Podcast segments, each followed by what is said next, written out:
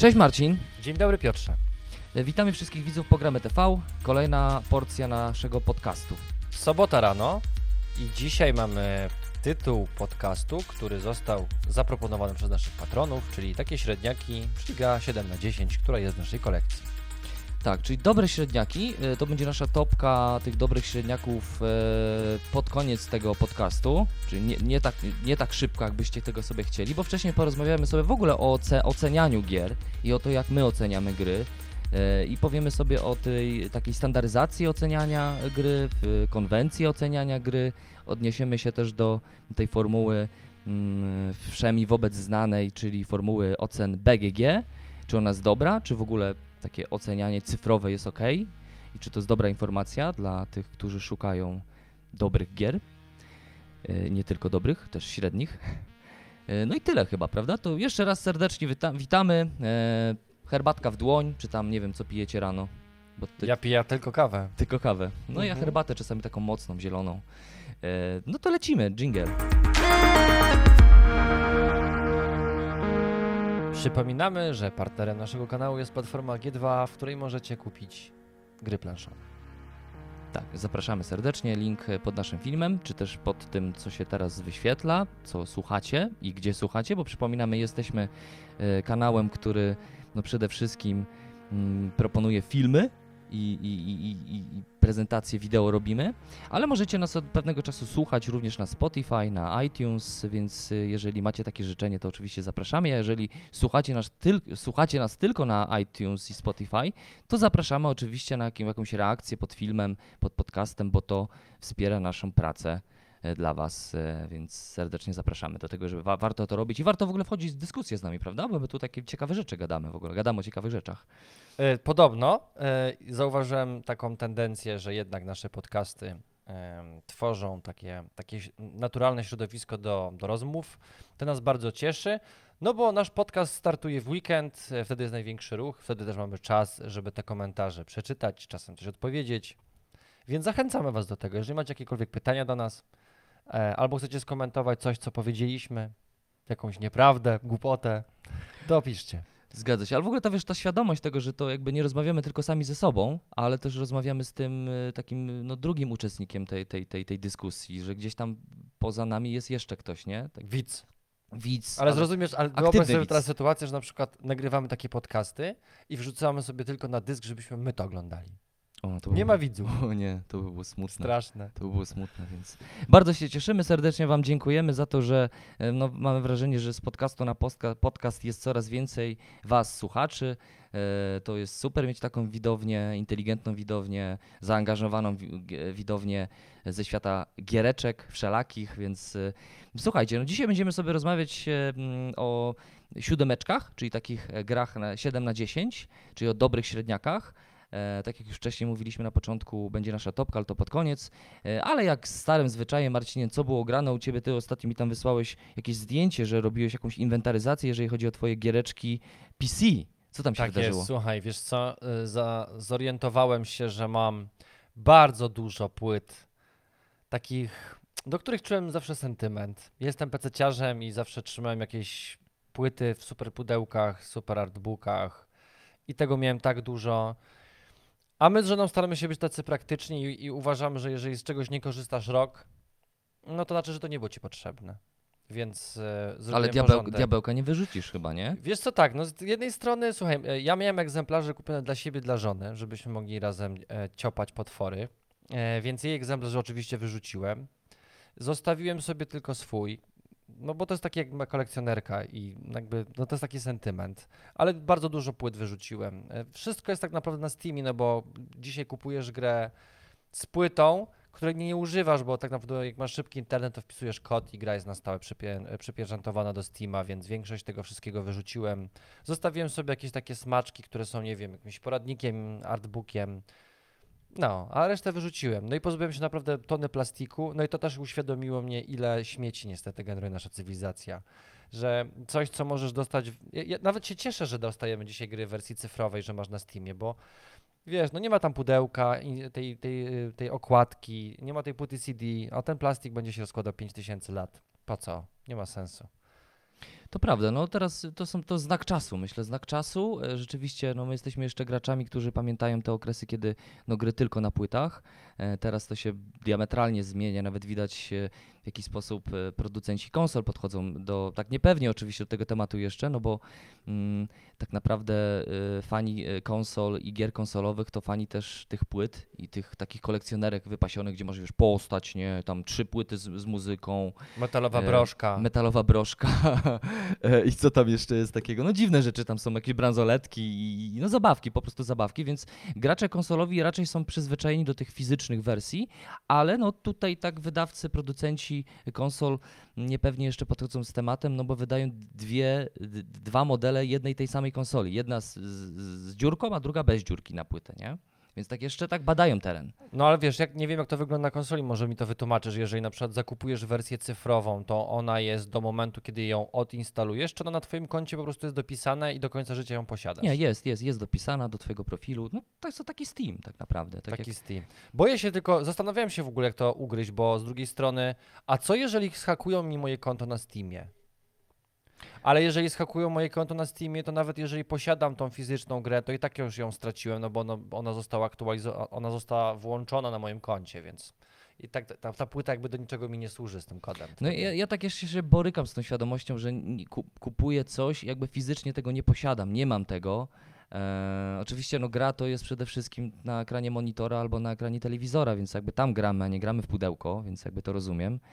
Ale coś takiego, że właśnie mam taką władzę, że mam to, że nikt tego mi nie zabierze, na przykład z różnych względów, nie wiem, wirus, e, jakiś przypadek zhakowania sobie mojego profilu, czy i, i wszystko tracę, nie? Jakby świadomość tego, że mam to na płycie. Chociaż to też jest znikome, no bo gra mimo wszystko nie jest w 100% e, mm, nagrywana, jakby system gry, rdze, jej rdzeń jest nagrywany na płycie, ale tak naprawdę potem dochodzą patche, To jest aktualizacje. tylko instalka. To jest tylko instalka Pierwsza tego, instalka, nie? No tak. No. No dobrze, Marcin, ale to czy, a co, co było, jak już jesteśmy przy tobie, to co było grane o, ostatnio? Ja w tej chwili e, oczywiście ogarniam sobie gry, które mają się pojawić u nas na kanale. Ragusę grałem, bardzo sympatyczne, proste euro, gdzie e, budujemy budynki. E, no oczywiście gramy na punkty, staramy się jak najwięcej wyciągać, e, tworzyć swój taki silnik e, tej, tej, tej całej deweloperki, którą tam się stawia. Mm, Abstrakcja, nie? Bardzo duża abstrakcja, ale no taki sympatyczny tytuł. Skończyliśmy z moją żoną Kroniki Zbrodni 1400, więc niedługo prawdopodobnie będę tę grę sprzedawał. Mm, No i w tym tygodniu to tyle. Mhm. A, no i zainstalowałem sobie dzisiaj Red Dead Redemption 2. To było Yeah! w promocji, ale myślę, że to będzie tak jak z większością moich gier. Po prostu kiedyś tam zagram. Poleży. No ta gra niestety choruje na coś takiego, co taki, taki syndrom e, leżenia na półce, e, ponieważ jest to gra, która długo się rozwija, jest to taki, e, no to no, mi- mimo wszystko jest to gra akcji, ale bardzo powolnie, powoli się rozwija ten, ta przygoda.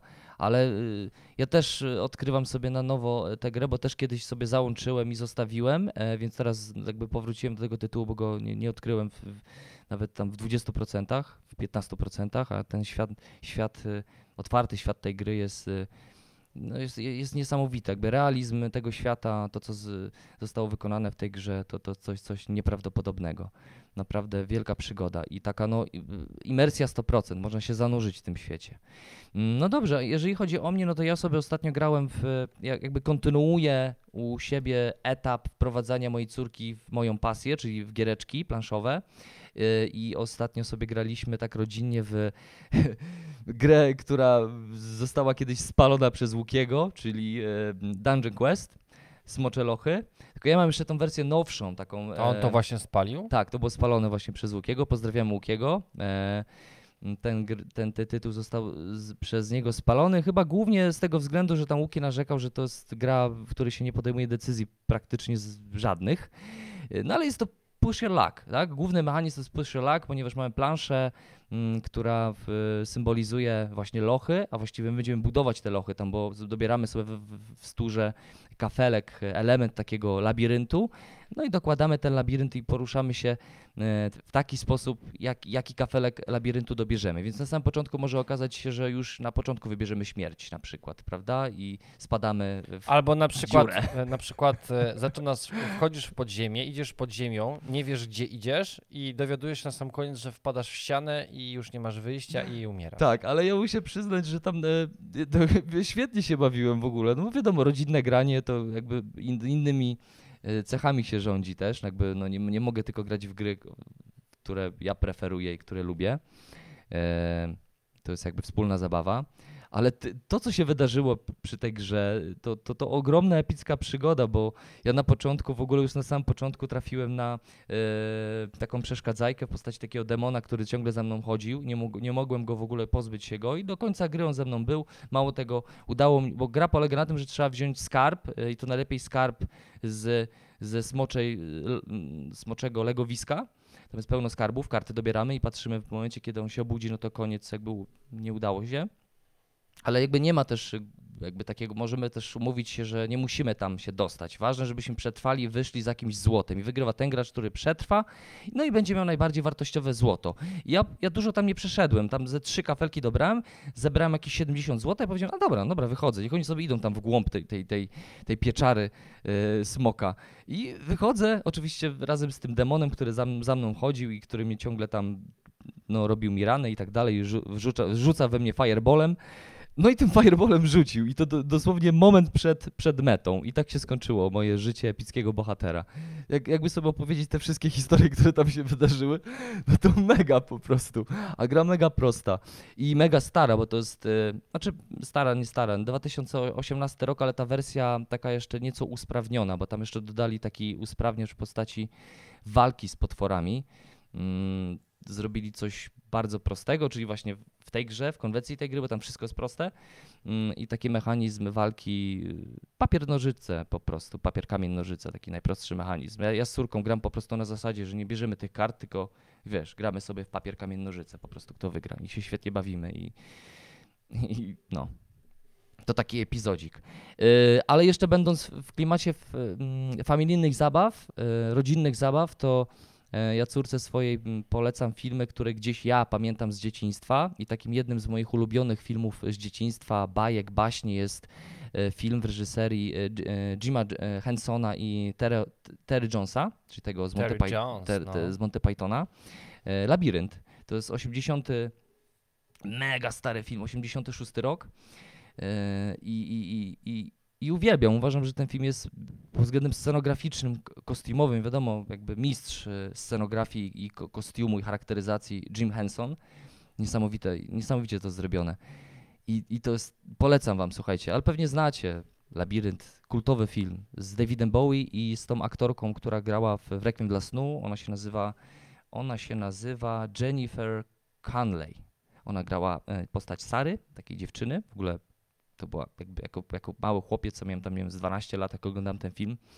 To była moja wielka taka filmowa miłość, wiesz, zakochałem się w niej. Tam w ogóle, to, ten film jest musicalem i to taki na bardzo dobrym poziomie. No, nie- nieprzypadkowo jest tam David Bowie, którego jakby też bardzo uznaję i doceniam, jeżeli, jeżeli chodzi o to, co dał od siebie e, muzycznego dla świata. A więc jeżeli nie znacie Labiryntu, e, a m, e, lubicie oglądać takie filmy na, naprawdę dobrze zrealizowane i nie boicie się starego kina, uważam, że ten, ten, ten, film się nie, nie, nie zestarzał. W ogóle znasz Labirynt? Niestety nie miałem przyjemności. Koniecznie musisz. e, Nie wiem, czy to jest film dla, dla chłopców. Ale może zostawmy ten temat.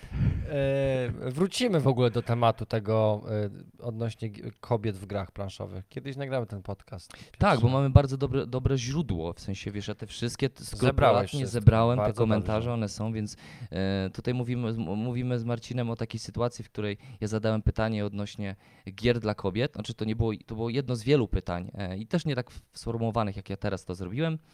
E, I rozgorzała burza, mm, tam takie jakieś nieprzyjemne sytuacje się pojawiły, ale, Ale my- byłeś my- gwiazdą przez ale przez moment byłem gwiazdą e, i dla takich momentów w, ży- w życiu się ży, ży, y, jakby doceniam takie momenty w życiu. Dobra, ja do, być Ale może ja coś wrócimy do chciałem jeszcze tematu. powiedzieć, bo jeżeli ty mówisz o filmie, który polecasz, to ja chciałbym powiedzieć o serialu, który nie polecam. O, Chciałbym was przestrzec. E, Netflix ostatnimi czasy bardzo mocno promował e, serial, który się nazywa Dopasowani.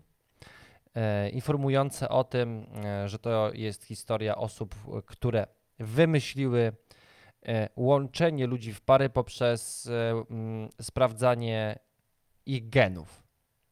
O ile z założenia świetny pomysł i myślałem, że będzie to jakoś bardziej filozoficznie rozwiązane, opowiedziane, wytłumaczone, że poza oczywiście samym serialem i tymi perypetiami bohaterów dowiemy się czegoś więcej o samej idei.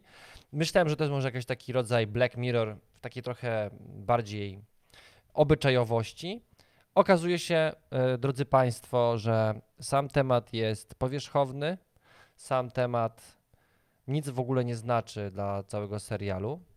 Jest tylko pretekstem do tego, żeby pokazać, że ktoś tam coś wymyślił, oni się pokłócili, ten tego tam chyba zabił, a może nie zabił. I po prostu straszne nudy. Wymęczyłem się oglądając cztery odcinki i powiedziałem sobie, że nie dam rady, bo myślałem, że przez trzy odcinki po prostu dowiem się, kto jest kim i dlaczego, i przejdą do tematu głównego, a okazuje się, że straszne nudy. Oczywiście pozostaje po tym serialu takie, taki moment, kiedy zastanawiasz się, czy rzeczywiście. Nie wiem, no wiesz, tam jest takie, Piotrze, postawione jest takie pytanie, e, czy, czy jesteśmy w stanie dopasować się w idealny związek, badając nasze geny, czyli jakbyśmy szukali genetycznego bliźniaka. Tak, że jest ktoś na przykład w Norwegii, który ma jakiś gen z mojego DNA bardzo podobny. No i z założenia w tym filmie jest to, że jeżeli my posiadamy dwa te geny, jesteśmy bliźniakami genetycznymi, to że potrafimy ze sobą stworzyć idealny związek. I oczywiście pojawiają się tam elementy takie, gdzie y, możemy się domyślać, że z jednej strony widzimy, że nie da się zrobić takiego związku, z drugiej strony widzimy, że się da zrobić taki związek, więc autor y, scenariusza tak naprawdę Nie wiedział, co, co chciał nam- powiedzieć. Tak, albo daje nam wolną rękę, sami sobie wyciągniecie z tego, co chcecie. Y, Dla mnie to jest za mało. Chciałbym, żeby to było po prostu poprowadzone tak, żebym ja wiedział, co, co autor Mhm. scenariusza miał na myśli. Żebym ja został z jego teorią i żebym jego teorię przemyślał, a nie na zasadzie, no wiecie, możliwości jest, są dwie możliwości i właśnie wam je zaprezentowałem. I, i pewnie, koniec. I pewnie o nich wiecie w ogóle, domyślacie się jakby. Tak, Mm, okej. dokładnie. Nie było tam to jeszcze, jeszcze raz tytuł i gdzie to można zobaczyć? dopasowani na Netflixie, nie polecam, straszna, straszna ki- kicha. Dopasowanie. To ten temat, o którym mówiłeś, to ym, ym, jeden z odcinków serialu, serii e, Black Mirror został poruszony w jakimś tam odcinku, już nie wiem którym konkretnie, bo serial Black Mirror to jest taki specyficzny serial, ponieważ on nie jest połączony historią, fabułą, a bardziej raczej konceptem. I tam właściwie za każdym razem jest inny reżyser. y, to, co spala jakby te seriale, te odcinki, to bardziej właśnie koncept i, i, i, i idea, kryty, kry, taka krytyczne spojrzenie na rzeczywistość. To był taki tam jeden odcinek i on został lepiej zrobiony niż to, to o czym ty mówisz, a też został pod, podjęty podobny temat właśnie idealnego, próby idealnego łączenia ludzi ze sobą, nie? Pary zakochanych mm, tam na, na całe życie i, i to było dużo lepsze. Świetny temat, bardzo filozoficzny. Uważam, że dzisiaj bardzo, mm, bardzo filmowy i, i można było z tym zrobić naprawdę dużo ciekawych rzeczy. Niestety wydaje mi się, że to zostało zmarnowane i powstała taka kryminalna obyczajówka. No i tyle. I tyle. Tyle. Tyle. Ja, ja z, z książkowa, ze świata książek chciałem wam coś polecić, e, coś do czego ja ostatnio sobie wracam, tak sobie, to też tak dziwne, bo ja z reguły nie, nie wracam do książek, w sensie jak już przeczytam, to ona sobie zostaje i jakby i tyle, a o, teraz mam taki okres, że do tych swoich jakichś ulubionych książek, które gdzieś tam czytałem, poznawałem, odkrywałem też na studiach, mm, bo ja jestem polonista, filolog i tych książek było sporo, czasami nawet za dużo, trzeba było wybierać to, co to, co niekoniecznie było w liście lektur, a, znaczy musiałeś wybierać w ogóle, bo jakby nie było sposobu czy przeczytania wszystkiego, prawda? Więc musiałem wybierać. I na przykład jedna taka rzecz, którą odkryłem na studiach, to mm, Adam Wiśniewski-Snerk. A ty wiesz, że ja lubię, bo to jest taki mój pse- pseudonim, nick w ogóle. Jak ja pojawiam się w grach, na przykład w, dia- w Diabełka z Marcinem grami, no to jest dużo prawdopodobieństwo, że będę Snerk. No jest, jest, tak. A dlatego Snerk, e, ponieważ jest to pseudonim artystyczny tego pisarza, Adama Wiśniewskiego Snerga, m, pisał, e, na, on, dziwna postać, taka w ogóle nieodkryta mocno, e, zagadkowa, ponieważ napisał cztery powieści, e, umarł w wielkim zapomnieniu, e, dopiero później oczywiście tam zaczę, zaczęto o nim więcej pisywać i interesować się personą.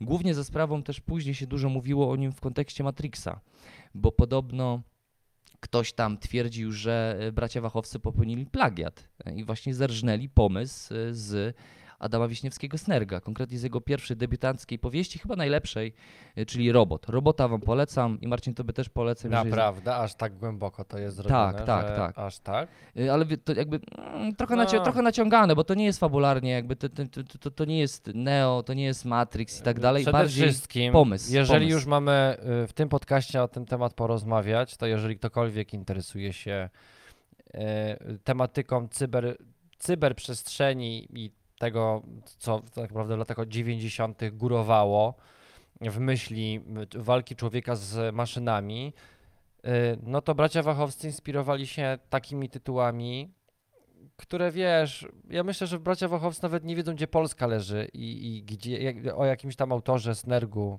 Wiesz, Nie, nie, nie. oni Mhm. się tam, wiesz, Go, Ghost in the Shell, wiesz, oni bardzo, mo, oni sami w dokumencie o, w ogóle, słuchajcie, jest dokument o tym, jak powstawał Matrix, jest na YouTubie. Świetnie, dwie godziny jest zrobione, jest nagrywa, są nagrywane wywiady ze każdym aktorem, przed nagraniem, w trakcie zdjęć, po wszystkim. Genialny temat. I bracia Chow- Wachowscy mówią, Teraz że oni, siostry, wiesz, bo to teraz już siostry są. Bracia Wachowscy mówią, że mm, e, oni mm, inspirowali się sztuką japońską, mangą i tymi rzeczami, tak? Więc jakby to, to ja myślę, słuchaj, no może tak jest. Ja z przyjemnością przeczytam, jeżeli mi pożyczysz, bo myślę, Ale- że taka książka nie leży w zwykłej księgarni. Y, Myślę, że no, może być trudno dostępna, przynajmniej tak mi się wydaje, ale naprawdę sam, sam koncept jest bardzo y, szalenie interesujący, ponieważ on tam wymyślił sobie taką e, nadistotę, e, e, która manipuluje społecznością. I Nam się wydaje, że ma, posiadamy wolność, tak jak właśnie w Matrixie, Okej. a, a ktoś po prostu z góry, jakaś nadistota naszym życiem manipuluje. Nawet na początku książki już jest taka scena, która od razu pojawia się reminiscencje z filmu z Matrixa, bo bohater budzi, budzi się w jakiejś zamkniętej przestrzeni, e, takiej wiesz, metalicznej, e, tak jak e, Neo się budzi w tej, tej tym, tym takim, mm, nie wiem, W tej baterii, w której tej żył. baterii, tak, tak, Mhm. jakiejś takiej. No A właśnie. może on popełnił plegat Biblii? Tak, bo teraz w ogóle, no tak, pierwsza księga, jakby wszystko, co potem powstało, jest plagiatem Biblii, nie? No to może coś w tym być. Wybaczcie nam, jeżeli tak długo się rozkręcamy, ale my to, ten, ten, ten etap, e, co jest grane, traktujemy jako taką rozgrzewkę, a interesujemy się różnymi rzeczami, więc e, ta mm, rozgrzewka jest, jest dla nas e, ważnym etapem. Ważnym etapem, myślę, prawda? No poza tym też jakby mm, w naszym życiu dzieją się różne rzeczy poza tym, że gramy w gry planszowe, więc lubimy się pochwalić. w naszym tam. takim popkulturowym życiu, nie? Jakby. No dobrze, przejdźmy sobie do tematu właściwego, czyli, czyli takie, mm, takie 7 na 10, e, ale będę grał, dobre średniaki, ale mm, żeby wejść w ten temat, myślę, warto poruszyć jeszcze jedną dość istotną, istotną rzecz, czyli kwestię związaną w ogóle z ocenianiem gier e, i w jaki sposób to robimy, bo u nas były też różne etapy. My przerabialiśmy sobie moment, kiedy po prostu opowiadaliśmy o grach na początku, kiedy y, jakby nasze materiał polega na tym, że no, mówimy o wrażeniach płynących z rozgrywki na końcu jest oczywiście nasza opinia. Mm, Która była naszą oceną.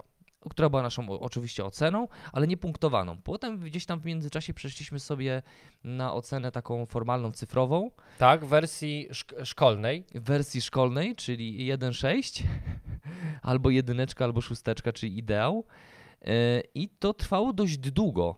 I, i, i na, na tą ocenę składały się różne elementy budujące grę, no bo ocenialiśmy bardzo szczegółowo nawet yy, zawartość pudełka, czy też jego mm, yy, powietrze, jakie wypełnia to pudełko. Też była ocena taka, liczbowa. To nawet już wiesz, to jest taka była legenda już, ludzie wyczekiwali, co powiem o pudełku momentami. Tak, ile tam jest procent powietrza w, w pudełeczku z grą. E, No i te wszystkie składowe e, części, e, elementy budujące grę były przez nas mocno oceniane, bo zawsze to była kategoria związana i z grafiką, ilustracje i kwestia wykonania, tech- technicznego wykonania gry, jak wyglądają karty, z jakiego są materiału, poprzez oczywiście wszystko to, co buduje system. Jak gra wpływa na klimat. i jak się gra ogólnie, ostatecznie, ocena taka końcowa, więc my zrezygnowaliśmy z tej oceny punktowej, ale Marcin, jak to jest u u ciebie? Ty zwracasz uwagę, na przykład, nie wiem, interesujesz się jakimś tytułem, znasz jakiś tytuł, e, chcesz poznać go bardziej e, i wpadasz na e, BGG i e, interesują ciebie te oceny liczbowe, są dla ciebie jakieś istotne? Z BGG jest taki jeden problem, że jeżeli gra jeszcze nie ujrzała światła dziennego, czyli jest na przykład, nie wiem, dopiero zapowiedź na Kickstarterze, albo ludzie dopiero mm, rozpakowują swoje pierwsze egzemplarze, które gdzieś otrzymali, to dla mnie te oceny całkowicie nic nie znaczą, bo to najczęściej są e, fani wydawnictwa, znajomi projektanta, więc y, jakby te oceny, no, na przykład Albo testerzy, ci Albo testerzy, tacy. tak? Na przykład dobrym przykładem jest y, y, y, pierwszym lepszym, którym był, na przykład był gra Tytani Łukasza Woźniaka. I- jakby ta gra wylądowała w, na, była w kilku filmach u różnych recenzentów, a ona już na BGG miała swoje oceny, Że o które autor gry prosił. Mhm. No pewnie tak się dzieje, w sensie, że w, autor gry, czy też nie wiem, może nawet wydawca też stara się jakoś budować sobie tą społeczność i gdzieś tam drogą e, mailową mówi, słuchajcie, no to wpiszcie od razu swoje oceny jakieś tam na te, znaczy jakieś tam konkretne oceny. No tak, może ale z tak drugiej strony, no, oczywiście, że tak, Marketing ale tak wiesz, z drugiej strony, wiesz, nie wiemy jeszcze, jak ta gra będzie wyglądała Mhm. ostatecznie, no bo jeszcze jej fizycznie nie ma. No dobra, ale załóżmy sobie sytuację, że wiesz, nie jest to obiektywna statystyka, o to mi chodzi, tak? Bo rozumiem, że ocenianie samo w sobie jest subiektywne i każdy może to oceniać na swój własny, indywidualny sposób, ale jeżeli e, zbieramy te oceny mm, na jakąś statystykę, gdzie właśnie BGG do tego służy, no to y, jest to w jakiś sposób obiektywna statystyka. Jesteś w stanie na podstawie tego jakąś zebrać średnią iluś tam set tysięcy osób i na tej podstawie jesteś w stanie podjąć jakąkolwiek decyzję. Nie jestem w stanie do końca zrozumieć, jak można oceniać coś, czego jeszcze nie ma. No tak się dzieje. no tak, ale... Ale, ale kończąc, ale No. jeżeli ta gra już jest ileś lat, Tak, y, ja jej nie znam, bo nie ma jej na rynku polskim, y, to, to ja na BGG y, wchodzę, tak. Czytam to, co tam ludzie piszą o, o samej grze. Oglądam oczywiście w drugiej kolejności to, jakie są elementy tej gry i oglądam zdjęcia. Trzecią rzeczą, jaką robię, to staram się przejrzeć pi razy oko instrukcję, żeby zrozumieć, na czym polega mechanika gry. I No wtedy tak, podejmuję decyzję ale jakby zakupową. Będąc w kon- kontekście samego oceniania, to tam możesz sobie na BGG wejść i zobaczyć sobie na przykład, y, tak jest taka zakładka e, komentarzy, wchodzisz sobie Tak. w zakładkę Tak, komentarzy. bo tam ktoś wystawia ocenę i, i opisuje, dlaczego taką ocenę wystawił. Tak, jednocześnie masz w, w górnym prawym rogu taką rozpiskę w formie takich bloczków. I jak jest oceniania dana gra? Na przykład, że jeżeli chodzi o ocenę 10 na 10, to jest na przykład tam ilość tyle i tyle się podpisało, że to jest Tak. gra na 10.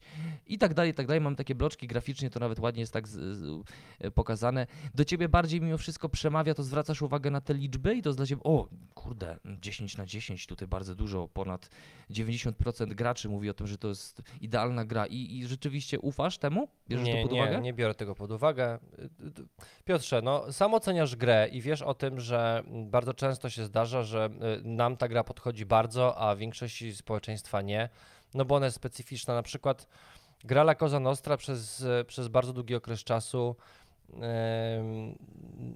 albo była nieznana, albo była niedoceniana i, i to też, wiesz, bo to jest bardzo specyficzna gra. Musisz mieć odpowiednie towarzystwo, ty sam jako gracz musisz mieć pewne predyspozycje, żeby w taką grę zagrać, więc im bardziej dziwna i odjechana jest gra z jakimiś takimi elementami niezbyt powszechnymi, no bo wiadomo, że są me- mechaniki czy systemy, które zawsze się sprawdzają, czy to są deck buildery, czy jakieś worker placementy, to po prostu wiesz, działa albo nie działa i albo się to podoba, albo nie.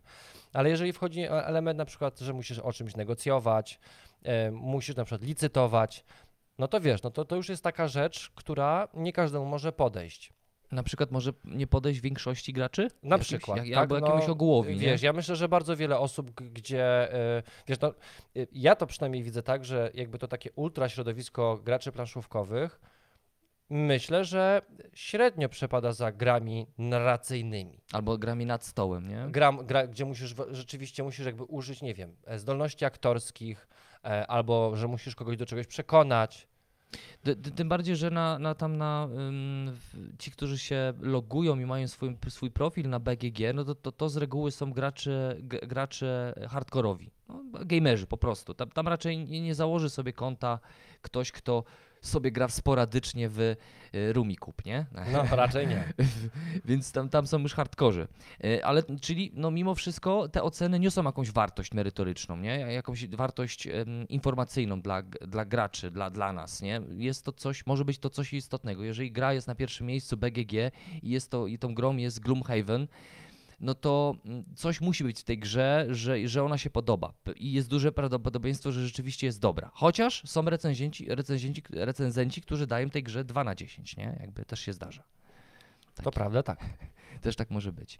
No nie, jeżeli chodzi o mnie, to, to ja zwracam uwagę na te wartości liczbowe. E, jakby dla mnie to jest jakieś źródło informacji, takiej statystycznej informacji na temat tego, czy ta gra y, może być dobra, może być interesująca. E, jeżeli się podoba w większości ogółowi, no to coś w tym musi być, że się podoba. E, no, ale z jednej strony ja jestem też takim kons- konsumentem, w ogóle graczem, na zasadzie, że no ja gram w gry konsolowe, gry wideo e, i tego z pełno w internecie kanałów poświęconych recenzjom wszelakich gier. I y, kiedyś miałem taki system, że na te takie mm, topowe kanały wchodziłem i od razu gdzieś tam wchodziłem sobie na koniec filmu, gdzie jest już podsumowanie i jakby wiesz, y, w punkt po punkcie y, są wyłuszczone y, mm, no, plusy i minusy tej gry. Jakby nie interesowało mnie to, wiesz, to, to, to ta gadka na początku, tylko od razu przychodziłem sobie na koniec, patrzę, ocena, aha, okej, no dobra, okej. To, mm, to, Bardzo to, nieładnie. to ten, no nieładnie. Bardzo nieładnie. ale to, to się zmieniało też u mnie bardzo.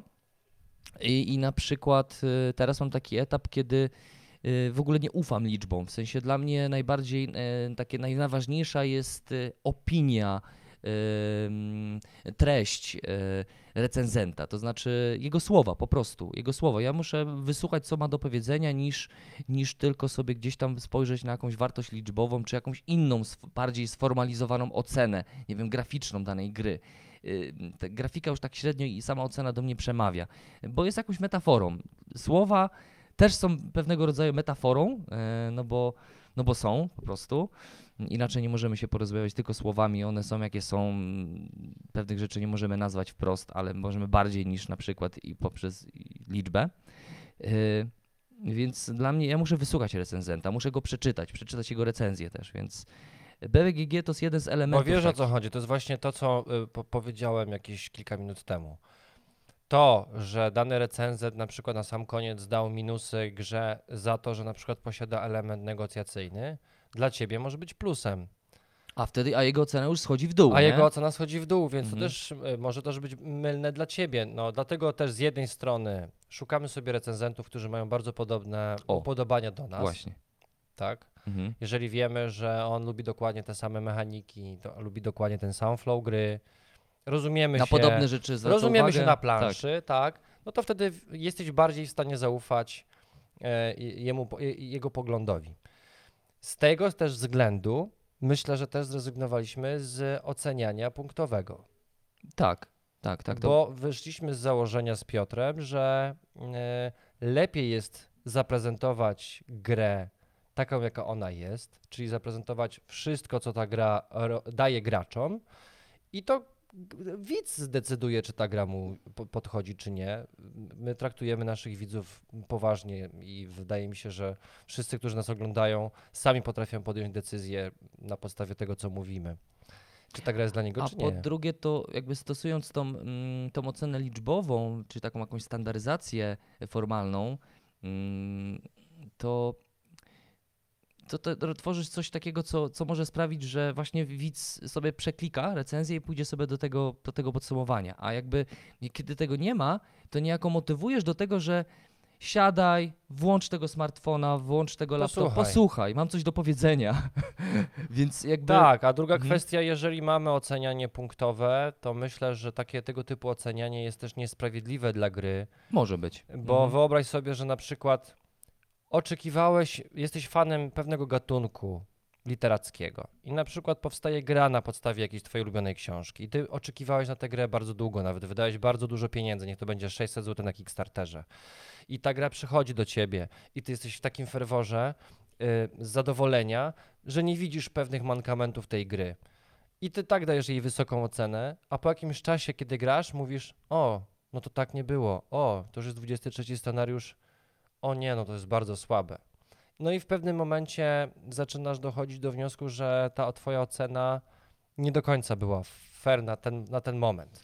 Dlatego Mhm. myślę, że my, y, my już chyba z Piotrem też sobie wypracowaliśmy coś takiego, że jakby bardzo chłodno podchodzimy do tytułów, nawet jeżeli y, na niedługo oczekiwaliśmy i nawet jeżeli w naszym serduchu y, jakby nasze tętno jest przyspieszone, to i tak e, wolimy zaprezentować grę taką, jaka ona jest, bez jakichś bardzo du- dużych i głębokich hypu. osądów, Bez hypu też. bo wiecie, no, my jako recenzenci y, em, gramy w wiele gier, ale nie jesteśmy każdej w stanie gry przejść do końca, jeżeli ma ileś tam scenariuszy. Nie jesteśmy w stanie rozegrać ka- y, w każdych możliwych e, rozłożeniach każdej gry, więc nie wszystko też nam może wpaść w oko z wad. Nie wszystkiego też jesteśmy w stanie wyłuskać, biorąc pod uwagę, że chcemy zagrać w jak największą ilość tych gier, prawda, które do nas przychodzą też. Więc to też jest kłopotliwe, bo po prostu nie masz czasu, żeby w tę grę się zagłębić na tyle, na ile byś chciał się zagłębić, Więc, prawda? więc po prostu, wiesz, czytając instrukcje, i, y, posiadając wiedzę, i jakby posiadając wiele gier na swoim koncie, czytając instrukcje, już wiesz, czy to cię pochłonie, czy nie. Więc to jest pierwsza rzecz, która może zweryfikować, czy w ogóle chcesz w tę grę zagrać. No i później grasz, zaczynasz i czujesz, czyta. To, wiesz, to, to jest tak jak z dobrą literaturą. Czytasz i wiesz, że to ci się podoba, to jest dobre. Tak samo jest z grami. No. Rozgrywasz grę, czujesz, że jest w porządku, albo nawet czujesz, że jest rewelacyjnie. I wtedy mówisz, dobra, no to zróbmy tę recenzję, bo ta gra się nadaje do tego, żeby ją zaprezentować. Nie widzimy większych błędów.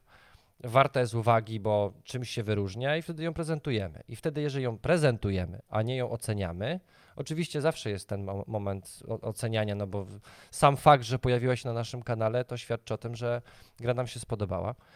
Eee, jakby no, sa- sami widzowie zdecydują, no, czy, czy to jest to, co, co, co chcą, czy nie. Mhm. Jeżeli ją potrafimy zaprezentować w taki, a nie inny sposób i, i, i czytelnie, o, bo myślę, że chyba to jest ważne, żeby to czytelnie prezentować, tak jak ona jest, żeby nie, nie przekłamywać, no to nie wiem, dlatego e, ja się czuję lepiej, że my nie oceniamy punktowo. Tak, ja też się Ja nie czuję lepiej- takiej mhm. presji, Tak, wiesz, tak, że, tak. że, że, że Znaczy, muszę o, wyznaczyć. Mhm. Mało tego, to też jest krzywdzące dla jakichś, no wyobraź sobie, że jakiś tytuł za, w- 8 na 10. No ale okej, no ale to, czy to jest tak samo dobre jak inna gra na 8 na 10? No nie, no bo inny Nie. gracz u- dojdzie do wniosku, że dla Tak. niego to jest czwórka. Nie, nie, jakby mm, kwestia tego mm, oceniania gry poprzez, poprzez liczbę mnie uwierała jeszcze w jednym y, kontekście, w, w takim, że z, tak, to było kłopotliwe i to mnie mocno uwierało, w sensie, że ale to, to jest takie 4 na, na, na, na, na 6, a czy to jest może bardziej 3 na, na albo dodawaliśmy potem jeszcze plusiki, wiesz, jakby sami, sami zapędz, zapędzaliśmy się w kozi róg, w sensie bardziej skupialiśmy się na tym, żeby ta ocena Była liczbowa sprawiedliwa. była sprawiedliwa i w jakiś sposób oddawała nasze odczucia, a już mniej e, zaczęliśmy e, no, no mniej, no, wa- walczyliśmy po prostu z tą liczbą, po prostu, bo to była walka taka, bo w pewnym momencie nam to bardziej uwierało niż pomagało, więc dlatego zrezygnowaliśmy, więc dla mnie te oceny liczbowe są, mogą być jakimś wskaźnikiem, jakąś wartością, jakimś dopełnieniem, może jakimś nie wiem, rodzajem podsumowania recenzji, ale ja, ja nie lubię liczb. Ja, ja lubię słuchać słowa i lubię słuchać to, co recenzent, osoba, która zagrała, to, to, to, co ona ma do powiedzenia, po prostu dla mnie jest najistotniejsze. Nie? Ja mam takie wrażenie, że w naszym takim planszówkowym piekiełku coraz więcej kanałów podchodzi w ten sam sposób, żeby nie oceniać punktowo. Oczywiście wielu się nie zmieni, będą to robić zawsze, ale dla mnie bardzo ważnym wyznacznikiem, jeżeli szukam gry, to jest to, czy pojawiają się w ogóle recenzje tej gry. Bo jeżeli się nie pojawiają, to to też jest bardzo duży wyznacznik, bo jest wielu recenzentów, którzy po prostu kiepskiej gry nie chcą prezentować, bo szkoda na to czasu, żeby to pokazywać na kanale. Więc to jest duży wyznacznik. Albo ba, wydawca nie do końca jest pewny, że ma dobry tytuł i dlatego nie wydaje tych gier. Znaczy nie, do chce, nie, nie chce wysyłać gier do Nie chce wysyłać, więc to też- Mhm. To też jest też dla nich trochę kara za to, że jeżeli nie ma tych gier w jakby w, gdzie można je zaprezentować, nie można ich nigdzie zobaczyć, no to jeżeli ja się nic nie mogę dowiedzieć o grze, no to ja jej nie kupię, bo ja nie wiem, co to jest za gra. I bardzo często tak jest. Nawet jak sobie wejdziesz na jakieś fora, czy, czy naszą grupę planszówkową na Facebooku, no to jesteś w stanie zobaczyć, że jeżeli jest mało informacji o danej grze, to albo ona jest nieciekawa, albo niczym nie zauroczyła, nie jest w żaden sposób w stanie złapać za serce jakich- jakichkolwiek graczy, więc może nie ma sensu się nią interesować. Negatywne recenzje, jak już tutaj idziemy sobie w kierunku tych e, systemów oceniania i, to jakie recenzje się pojawiają, czyli albo pozytywne, albo negatywne, albo jakieś pośrodku, czyli 7 na 10, e, czy tam 6 na 10, to właśnie kwestia negatywnych recenzji, ich jest coraz mniej, ich jest bardzo mało e, i będzie coraz mniej. Myślę, że też z tego względu, że wszyscy ci, którzy tworzą e, materiały na YouTubie e, recenzenckie, widzą ile, ile, ile trzeba pracy włożyć w to, żeby taki materiał powstał, więc mimo wszystko wolę poświęcić ten czas na coś pozytywnego, czyli opowiedzieć o czymś, co rzeczywiście mnie się podoba, niż mówić o czymś, co, co mnie nie zajmowało. Ale o tym mówiliśmy już sobie przy okazji, myślę, ostatniego podcastu też o tym wspominaliśmy, mm, więc może nie będziemy aż tak mocno drążyć tego tematu, ale mm, złota zasada w kwestii oceniania gier jest taka, że to, to, jest- to jest wyrażenie swojej subiektywnej opinii na temat danego produktu, tak? To, jest twoja, to, to, są twoje wrażenia.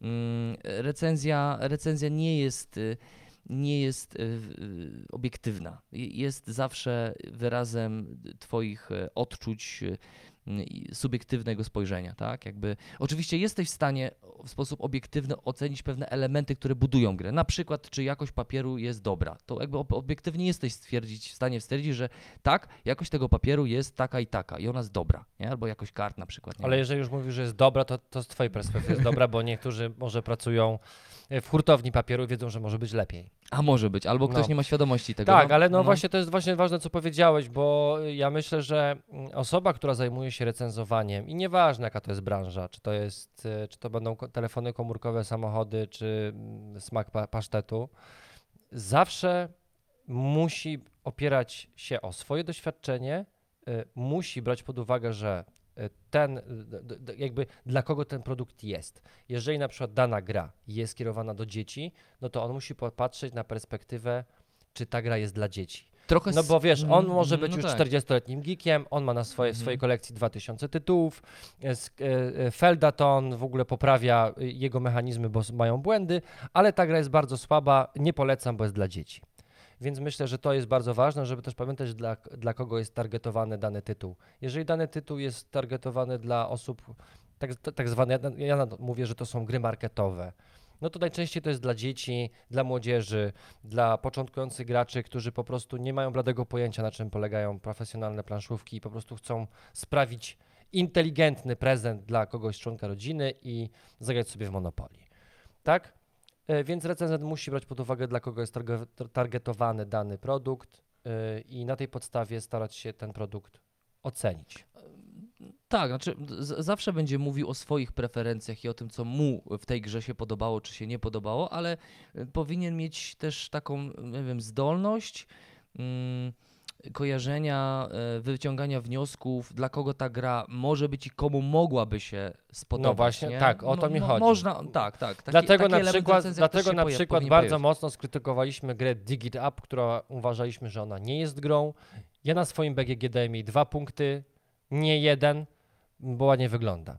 A, Więc jest na 2 Czyli na je- 10. Plusik jest. 2 na 10, e, ale właśnie e, ta gra jest stworzona dla dzieci, ale ona nie jest grą, bo nie ma żadnego mechanizmu, które m- nie zapewni o tym, że te dzieci grają w cokolwiek. Mhm. Więc to jest właśnie to, że jeżeli masz oceniać, chcesz być recenzentem, chcesz być traktowany jako profesjonalista w tej branży, to musisz brać pod uwagę to, dla kogo ta gra jest i w tych kategoriach starać się ją e, zaprezentować i ocenić. No właśnie, a jak to jest Marcin z nami? Jakie są mm, nasze kryteria oce, ocen, oceny gier e, i co bierzemy pod uwagę e, w tworzeniu tej oceny gier? Na co zwracamy uwagę? Poza Bo zobacz, pieniędzmi, A poza pieniądzami, no, te, te, tego tematu nie będziemy w tym podcastie poruszać, bo, bo, bo nie. Ale nie, tak szczerze, w sensie, wiesz, jak już wydawca ci zapłaci, nie, to wtedy, jak wystaje fakturę i zapłaci w terminie, no, to wtedy już możesz mówić o jakby szczerym podejściu do produktu. ja wtedy jestem bardzo szczery. Y, y, No tak, ale mm, y, kwestia właśnie tego, co oceniam, bo tak, z jednej strony y, my jesteśmy takim teamem, który, mm, który co inne rzeczy nam się podobają w grach, nie? Znaczy jest jakiś wspólny mianownik, ale też wiele wyróżników jest. No ty jesteś eurograczem, ja jestem bardzo, bardziej klimaciarz, bardziej gdzieś tam fabuła, przygoda i tak dalej, ale gdzieś oczywiście nasze światy się spotykają, te mianowniki gdzieś, gdzieś tam są wspólne. Y, Ale właśnie, tak dla nas, dla programy TV, co dla nas jest mm, kryterium oceny i jak oceniamy gry?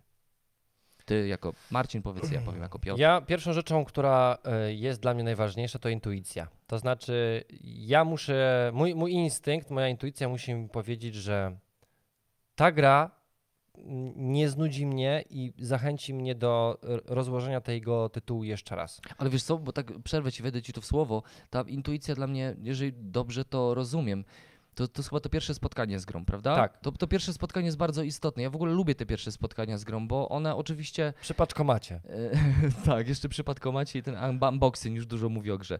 Ale nie, jakby to ta pierwsza rozgrywka, taka dość jeszcze ułomna, tam czasami, wiesz, doczytujemy coś tam w instrukcji, jakiś błąd popełnimy, potem do, dowiemy się tam dwa dni później, że te, rzeczywiście w sumie źle, źle, źle graliśmy.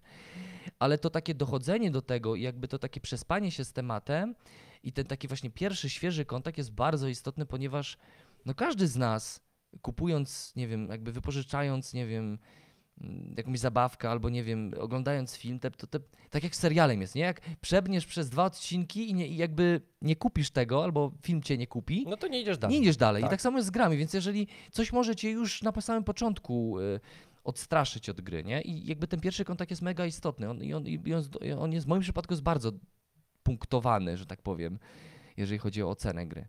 No. No ja mam, y, no y, wiele gier u nas w ogóle na kanale się nie pojawiło, właśnie dlatego, że nie było tej chemii Tak. między y, nami. już na początku, Już nie? na początku.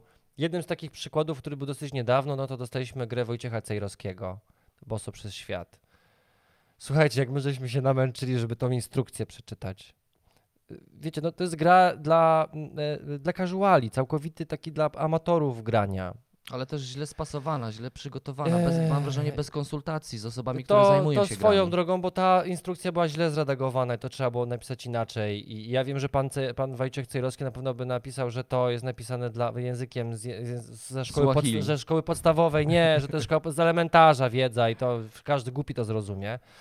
Ale no, nie, no jakby to tak nie działa, nie? E, I i ja się strasznie namęczyłem czytając tą instrukcję, ale ja po prostu chciałem podejść do tego rzetelnie i, i dałem szansę, no bo wiecie, Wojciech Cejrowski, chwytliwy tytuł, będą, będzie clickbaitik, będą hejty pod komentarzami, Ale że w ogóle się zdecydowaliśmy ja- współpracować z panem Wojciechem Cejrowskim. A to, to swoją drogą, ale ty miałeś taką dużą, myślę, wiarę w to, że ten Miałem tytuł coś w sobie ma. Bo ty- Miałem wiarę. Wiesz, ja bardzo lubię książki Wojciecha Cejrowskiego.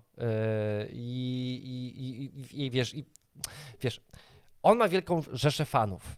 Jeżeli ktoś się zdecydował na, wystawi- na, na, na zrobienie gry planszowej, prowadząc biznes i nie znając się na tym, no to to był odważny krok. I ja po prostu naprawdę bardzo wierzyłem, że ja będę mógł te same przygody z tych wszystkich książek, albo tą samą wiedzę, którą posiada w swoich, po swoich podróżach, w tej grze doświadczyć. I odbiłem się potwornie. Mhm. Tam nie było dla mnie żadnej wiedzy. Tam po prostu e, to było męczenie się, żeby próbować zrozumieć, o co w tej grze chodzi. Słabo czytelna mapa, która była większ, bardziej przeszkodą niż pomocą. Tak. Domyślanie się, znaczy ja rozumiem tam system tych kropek, blokowanie siebie Mhm. na mapie, mechanizm jakby w 100% rozumiem, ale nadal to jest gra w kropki. Mhm. Na- Takie go, wiesz, Łączenie złączenie ze linii, sobą. prawda? Linii, tak. No nie, no wymęczyłem się. No. No. i więc jakby ten kontakt spowodował, że usiedliśmy, rozegraliśmy i tak, nie, wiesz co, Piotr, szkoda czasu.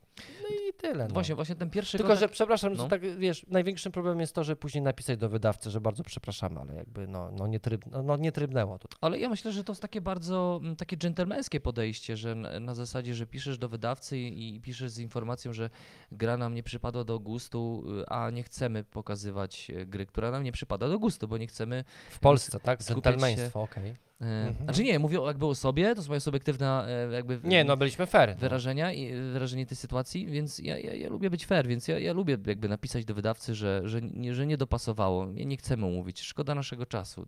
Tak, No.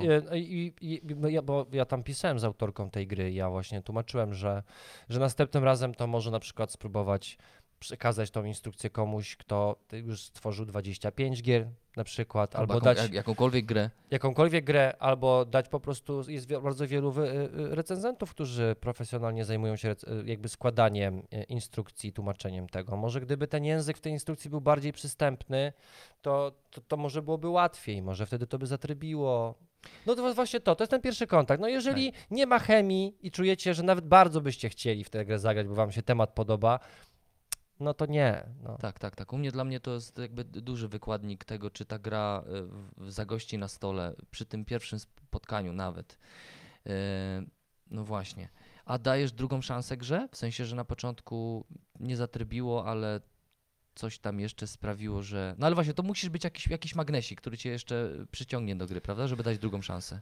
Wiesz co, często daję drugą szansę, tym bardziej, jeżeli to są właśnie tytuły, na które czekałem. E, I nawet jeżeli coś tam nie, nie, nie, na samym początku nie, za, nie zadziałało, jestem w stanie grze bardzo wiele wybaczyć i myślę, że w wielu naszych filmach to wybrzmiało, że są rzeczy, mm, które bardzo mocno szkodzą grze, ale mimo wszystko ją pokazywaliśmy, bo ma to coś innego, co jej te, te grzechy Albo jakiś wybacza. element, który nam się podoba, Tak. nie? Więc który... ja daję grom drugą szansę, e, ale no jakby przez tyle lat jak gram w gry, to ja już widzę, że nawet jeżeli oceniamy jakąś grę, to ja grając w nią trzecią partię już wiem, że albo ta gra osiągnie sukces, albo nie.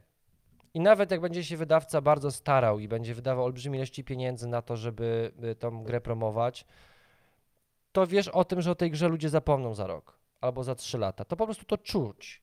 A są gry takie, gdzie siadasz, rozgrywasz jedną partię i mówisz, no to jest arcydzieło. A czasami jest zupełnie odwrotnie, w sensie, że na, nasza intuicja i jakieś tam doświadczenie w giereczkowie jest mylące, bo okazuje się, że taka gra jak Wingspan, czy też Na skrzydłach, okazuje się światowym bestsellerem i hitem, nie? A, a mechanicznie jest to tytuł, który no, jest bardzo prostą grą e, i No mnie tutaj w ogóle nie, znaczy poza oprawą graficzną to mnie nic nie zachwyciło. No właśnie, kryteria naszych ocen. Na co zwracamy, zwracamy uwagę taką większą, y, co dla nas jest istotne w grach, e, co, co sprawia, że mm, gra może zapunktować u nas. e, System oceny programy, programy TV, Marcinie. A mamy taki? No, myślę, że jakiś mamy. To właśnie to, to o czym też mówisz, to, to, to pierwsze spotkanie z grą. No ja na przykład jestem, jestem osobą mm, klimaciarzem, ale też estetą, więc dla mnie jakby ten aspekt wykonania tej gry też jest bardzo istotny. Temat bardzo często, temat... Oj, czekaj, woda. Mhm. Dobra, łódzka woda. A wiesz, że mam najlepszą wodę podobno w Łodzi? Mhm. No, bardzo dobra. Y, Dla mnie temat bardzo często potrafi obronić grę. To znaczy, ja mogę.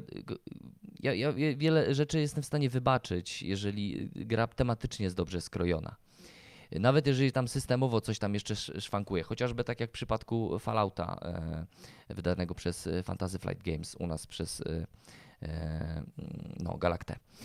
To ta gra też ma swoje mankamenty, ale jakby, jakby sam temat, to, że jestem fanem tego świata, Fallouta, to, że tam czuję namiastkę tego, że gdzieś tam rozwijam swoją postać i przeżywam jakieś przygody, no ja jako, jako gracz jestem w stanie dużo wybaczyć. Nie, nie wiem jako, jako recenzent, bo pewnie mimo wszystko mm, powiedziałbym o tych wszystkich wadach, ale, ale jako gracz mimo wszystko ją sobie zostawię na półce, chociaż wiem, że ona gdzieś tam wśród graczy, większości graczy funkcjonuje jako taki, jako taki tytuł właśnie 7 na 10, nie?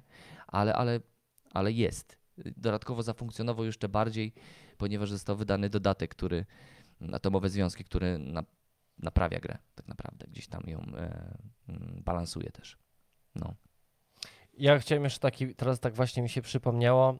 Mieliśmy bardzo dużą ochotę z Piotrem zagrać e, w grę, która pojawiła się na początku na SN.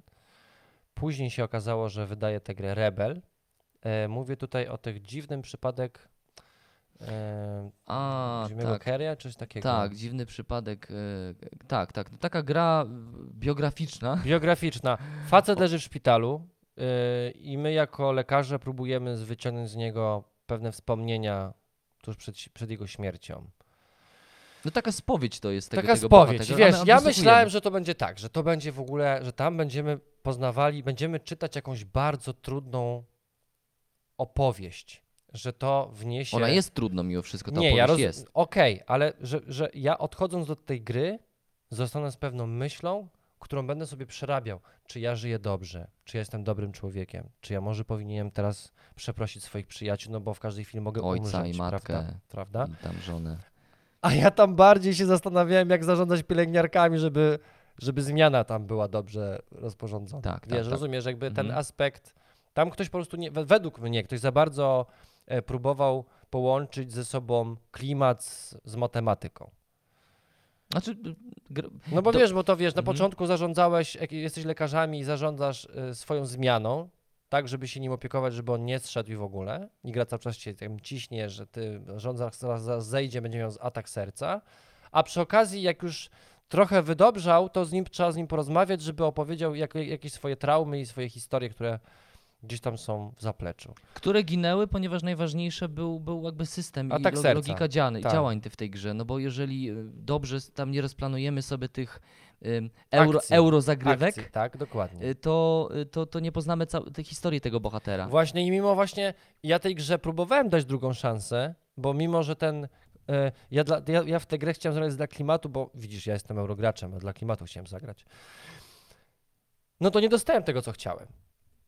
Mhm. Ja mówię, nie wiem, no może my źle gramy, no może, może, może skupmy się bardziej na tym szpitalu, może te, gdzie, jeżeli on będzie przeżywał bardziej, Może no bar- to może coś bardziej- więcej nam opowie. No ale nie, bardziej- no po może- prostu tam nic nie szło. Tak, no. Może bardziej kontemplujmy te obrazki, te, te zdjęcia tam, które się pojawiały, te ilustracje, tak? No, no nie, no to wiesz, no to ja już wolę poczytać książkę po prostu. wtedy. no tak, tak, właśnie. Tam, tam nie było treści w ogóle. To, to ta gra. Y, i- To ją, było pitu, pitu, Piotr. no. ją, ją trochę zjadł temat, który, który mm, wydawał się, że jest. No, czy, właśnie ktoś myślał sobie, że temat tutaj zafunkcjonuje jako coś, co, co sprzeda ten tytuł. Prawdopodobnie część e, graczy kupiło tę grę właśnie ze względu na ten taki nietypowy temat, czyli egzystencjalny temat związany z obcowaniem z człowiekiem, który tam on był powiązany jakieś tam z, z wojnie, w wojnie w Afganistanie, Tak, jakimś tam tak, tak. dziennikarzem, Dokładnie. stracił żonę, dzieci. Tak, w ogóle tragedia straszna. No tak, ale jakby duży plus, że ktoś się podjął, że w grze może być podejmowany tak trudny temat, ale są przypadki e, w Giereczkowie, że można to zrobić lepiej, chociażby This War of Mine, prawda? Gdzie, gdzie ten temat jest bardzo dobrze poprowadzony. właśnie. A jest tam gra, A nie? właśnie, A jest tam gra. no i o to I jako, jako, jakoś I to bardzo trudna gra, w sensie bardzo ciężko jest tam przeżyć, więc e, mimo to, że gracze dostają po dupie, to się gra. to się gra. Y, No właśnie, więc temat, y, temat gry też może, może sprawić, że, że, że, że grę chcemy odkryć i chcemy i to też może też w moim przypadku może to dużo zapunktować. E, do tej oceny też pewnie gdzieś tam dam te dwa punkty, trzy punkty więcej, jeżeli mówimy już o jakiejś ocenie liczbowej. Temat może zapunktować. No właśnie, Marcin. Ja mam jeszcze takie kategorie, e, tak No. zwani moi znajomi. A, Czyli czy mm, dana gra jest e, skonstruowana. W ogóle gr- gry solo odrzucam. Jakby dla mnie gry solo dla mnie nie mają w ogóle racji bytu. znaczy takie gry, które są tylko stworzone na solo. Tak, na ja solo. nawet ich nie Mhm. sprawdzam, w ogóle mnie ta tematyka nie interesuje. Jeżeli ktoś chce grać sam w gry, szanuję, rozumiem, że ktoś może czerpać z tego satysfakcję. Dla mnie to jest aspekt społeczny i granie to, to, to musi być towarzystwo. Z kimś. E, więc ja też patrzę z perspektywy tego, czy ta gra mm, spodoba się osobom z, którymi, z, z mojego otoczenia. Mam to, mam to szczęście, że mam i klimaciarzy, i eurograczy, więc mam bardzo duży spektrum wyboru. Ale to co, rozumiem, że... Ale y, patrzę na to, na, patrzę na reakcję ludzi. W Mm, sensie mm. y, to, to, że mnie się podoba, nie oznacza, że trzem innym osobom przy moim stole się spodoba. I bardzo lubię w ogóle konfrontować tytuł na takiej formie, że spotykamy się w naszym męskim gronie, gramy w dany tytuł. Ale ma to też wpływ I na twoją ocenę gry? W sensie, że jak widzisz, że wszyscy się świetnie bawią, a ty tak bawisz się Nie. troszeczkę gorzej, to wtedy Nie. dasz punkt wyżej Nie, grze? nie, nie, no, no to właśnie wiesz, bo to może właśnie, nie, to, to jakby oczyszcza moje spojrzenie, bo może ja Mhm. na przykład e, za bardzo e, polubiłem ten tytuł, a to rzeczywiście tak może nie jest i tak, ojej. Boże, trzem osobom, którym wydawało mi się, że ta Mhm. gra się spodoba, trochę im nie leży. I później Mhm. mi mówią dlaczego. Mało tego, no jeżeli zagrasz w cztery osoby w dany tytuł, to każda osoba może natrafić na jakiś błąd w balansie albo zobaczyć, że na przykład tak jak jest w Tapestry, że połączenie trzech konkretnych kart daje taką potęgę punktową, a ty mimo, że się starasz, mieć wrażenie, że, że byłeś najlepszy, jakby nie dasz rady przeskoczyć bez błąd w Mhm. grze. No tak, bo to jest właśnie to jest to, że oceniamy grę, czyli oceniamy też to, co się dzieje z graczami, kiedy gramy w ten dany tytuł, No. prawda? Nie tylko z nami, bo nam może się wydawać, że o kurde, świetnie się bawi, wow, ekstra. To, a dlaczego wy tak się średnio bawicie? Co, coś jest nie tak z tą grą? Dlatego gry typu La Cosa Nostra albo na przykład o Sheriff z Nottingham bardzo często potrafi otrzymać bardzo takie komentarze, że ta gra jest beznadziejna do dupy, bo w ogóle to nie jest gra. No właśnie może dlatego, że ktoś nie miał towarzystwa, które grało w tę grę. W sensie no, my jako gracze musimy też wykorzystać to, co ta gra daje. Jeżeli nie jesteśmy w stanie, tak jak wcześniej powiedzieliśmy, negocjować, wbijać sobie no, e, sztylety w plecy i nie umiemy grać, no to ta gra nie jest zepsuta, po prostu my w nią nie umiemy grać i nie jest dla nas.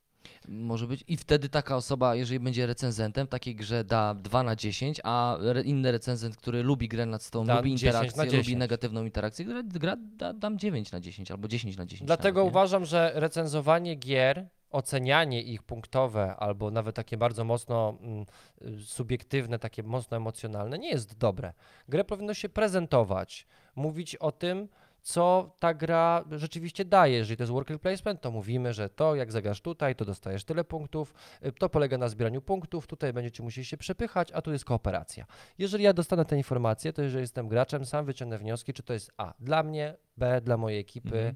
C dla mojego portfela. No tak, no ale wiesz, sam, sam wiesz o tym, że trudno jest w pełni zrobić taką stuprocentową prezentację gry, czyli taki jakby ob- obiektywny obraz tej gry, no bo nasze, nasze materiały są przykładem tego, że jest to i, i, i to i to, w sensie, że jest i duży naddatek naszej osobowości, naszej, naszej, naszej wrażliwości na grę, naszego humoru, naszego podejścia e, i z drugiej strony no jest to też, że staramy się pokazać i w, w, jak, jak gra sobie systemowa działa, czym ona właściwie jest, ale u nas jakby nigdy nie ma, nie ma takich materiałów, które w 100% są tylko samą prezentacją tytułu, bo tam jest dużo nas, nie? Tam jest dużo Marcina, tam jest dużo Piotra. Bo to jest nasz kanał.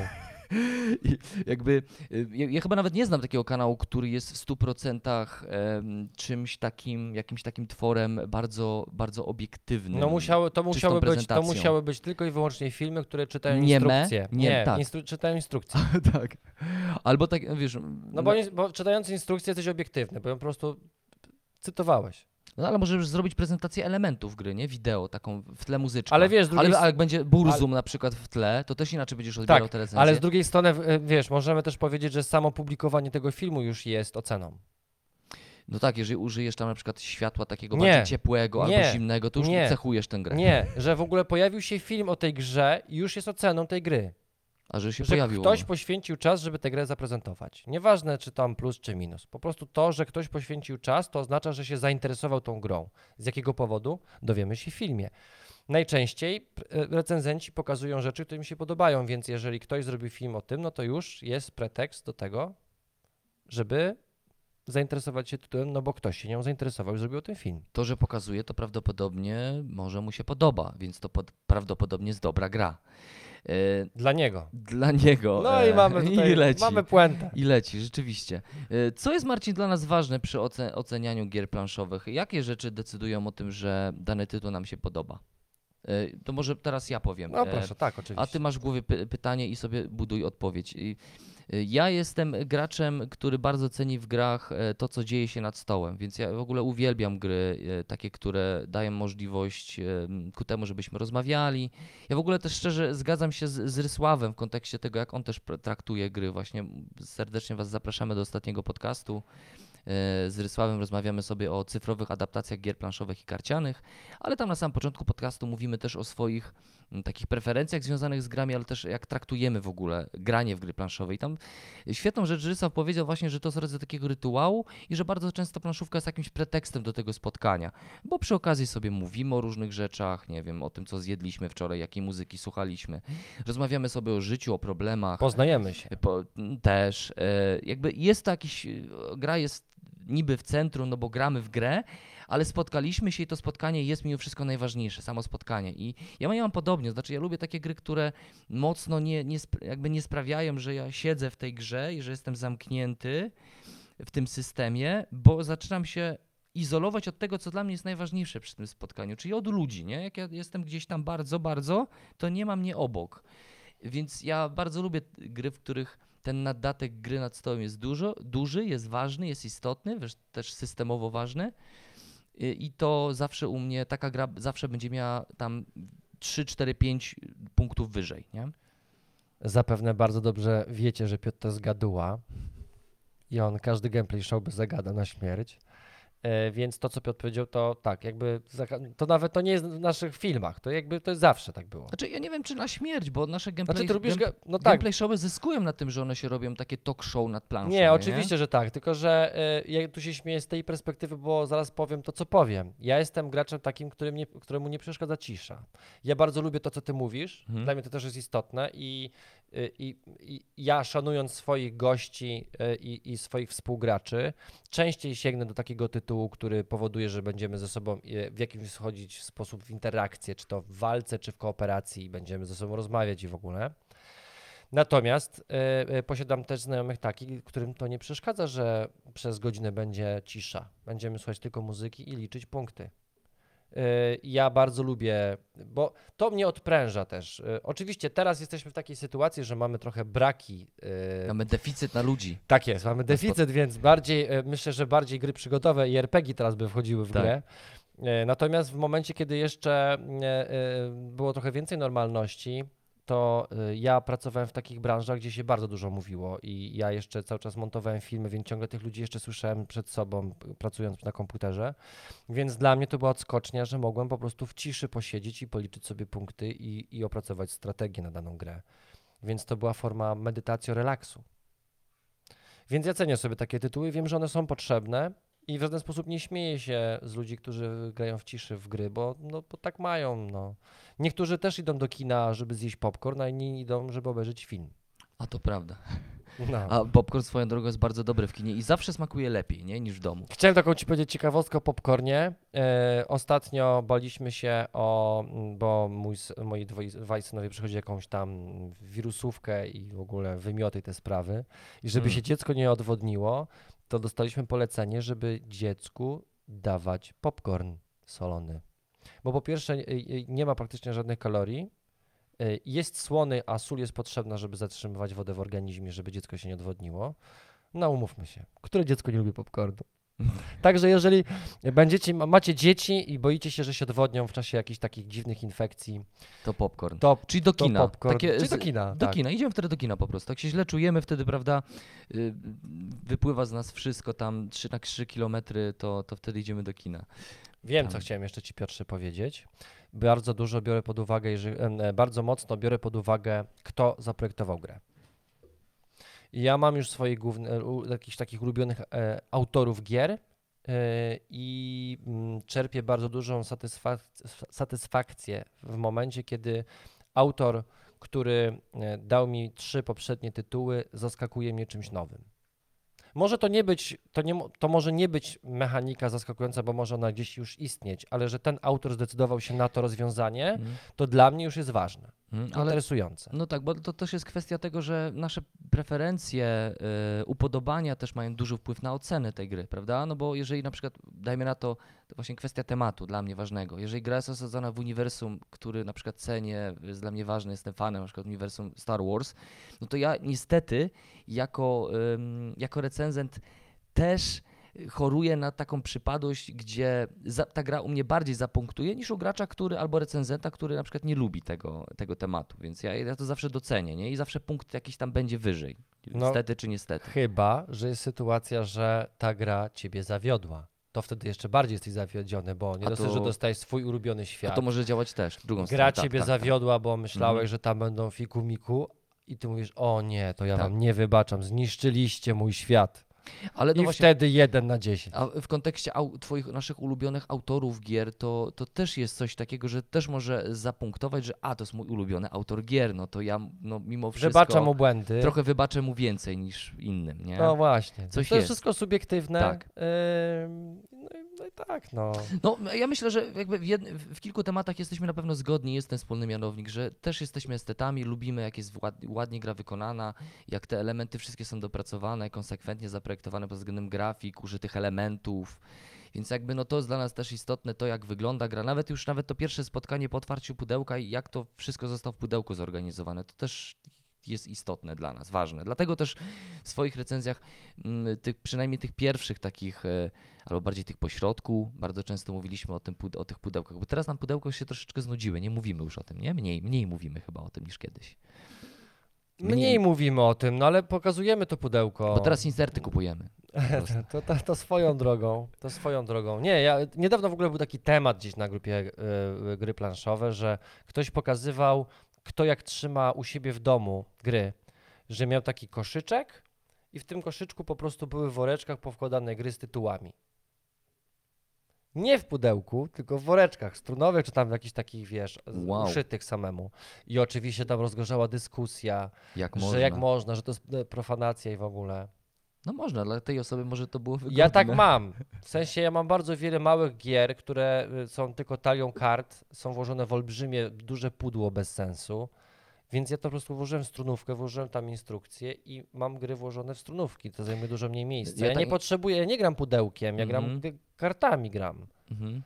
No ale zobacz, właśnie kwestia estetyczna, my pudełka też bardzo często oceniamy, to znaczy wiesz, kupujesz produkt jako całość, pudełko też Tak. jest istotne, bo też no, buduje ten produkt, który potem położysz sobie na półce, nie? On też stanowi jakiś niestety czy stety element wystroju twojego mieszkania. To tak, i jeszcze strasznie frustruje, bo jeżeli masz wielkie pudełko, które jest w połowie puste, to cię to irytuje, no bo to jest marnowanie twojej przestrzeni.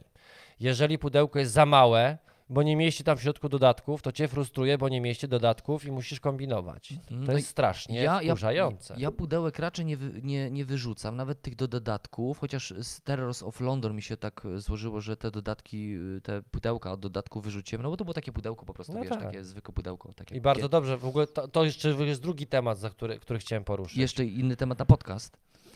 O ekologii chciałem porozmawiać No, a to podcast. z, w ogóle o ekonomii. I o ekologii.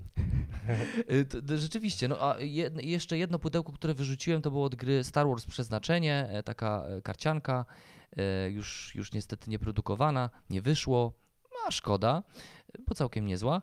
To pudełko wyrzuciłem, bo tam rzeczywiście było takie dziwnie zaprojektowane, że nie otwierasz tak standardowo z góry, nie? Czy tam jakby Mhm. jest, są dwie części, tylko otwierasz tak jak, jak nie wiem, płyty kiedyś VHS, jak kojarzycie coś To takiego. się jak- wysuwało. Jak kasety VH, VHS, tak się dziwnie to wysuwało, a dziwne strasznie. To wyrzuciłem, a tam wiesz, 60 kart i, i takie duże pudło. Ja nie mam to żadnych skrupułów. Mhm. Wyrzuciłem większość pudełek od Everdell, bo wszystkie mapy wrzuciłem w jedno najmniejsze. No dobrze, to teraz niedługo kupisz sobie dużo, duże Nie chcę, nie chcę, nie, nie potrzebuję, bo jakby to, ten big box będzie zajmował więcej miejsca niż to, co teraz mam, a mam wszystko. Ty masz taką ergonomiczną wersję. Taką Tak, teraz. wyrzuciłem pudełko od dodatku do Baraż. Mhm. Wyrzuciłem do Viticulture. Ale w sensie nie masz w ogóle pudełka do tej gry? Do... Baraż mam w podstawce, jest wszystko się zmieści. A, Cały bo- dodatek wszedł nie, do środka. Nie, bo w- wyobraźmy sobie, że w ogóle pudełko wyrzuciłeś i w Pudełko, pudełko od dodatku wyrzuciłem. To. Okej. E, Wyrzuciłem Viticulture, ten dodatek. Znaczy, jakby jeżeli się dodatek mieści w podstawowym pudełku, no po co to trzymać? No to wywalam to, no. Mhm. Śmieci trzymać.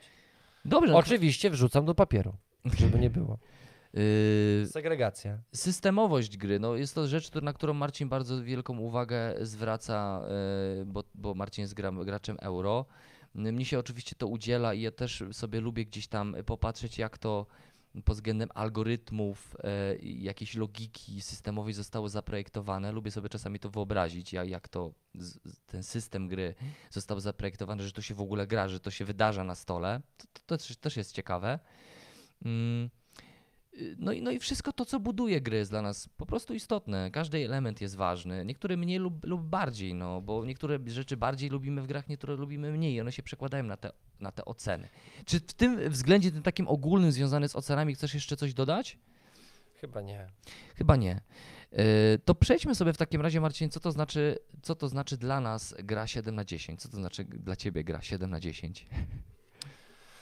Bo teraz Hmm. za chwilę będziemy mówić sobie o tych tytułach konkretnych na naszej topce 7 na 10. 7 na 10. Mm. Dobry średniak, jak to nazwałeś. Ja się z tym zgodzę, bo to są gry, które często mm, mogą się niczym nie wyróżniać pod względem mechanicznym, pod względem świata. Mało, mało tego są często wtórne pod tym względem. Bardzo nie? często mogą być też wtórne, ale to są gry, które mm, mają w sobie pewną magię i pewien taką, taką, taką rzecz, która przyciąga, żeby, Magnesik. żeby ją wyciągnąć. E, Bardzo często to są też takie gry, które jesteśmy w stanie, to są już takie bardziej zaawansowane gry, które jesteśmy w stanie nauczyć naszych początkujących znajomych, albo tych, którzy już powiedzmy parę gier z nami zagrali i teraz słuchajcie, na naszym stole ląduje coś, co można powiedzieć, że słuchajcie, teraz już będziecie graczami planszówkowymi. Dla ciebie. Taki, Dla mnie taki tak. średniak musi być Tak. też grą taką, mhm, która Tak. zaprasza innych. Okej. mhm. Tak. No tak, dla, dla mnie rzeczywiście to też jest taki dobry średniak, taki w ogóle standardzik. Ale jakiś. musi być, ale w sensie to musi dobrze działać. W sensie tam y, raczej nie powinno być żadnych błędów i ta gra po prostu jest dobra, ale nie, nie, jakby nie jest czymś takim. Znaczy w grach co- w ogóle nie powinno być błędów, nie? Czy to 7 na 10, czy 2 na 10, to, to jakby jeżeli gra jest wypuszczona na rynek, to myślę, że to, to ona powinna być jakimś systemem, który w ogóle funkcjonuje, działa, nie? Błędów nie powinna być, tak myślę przynajmniej.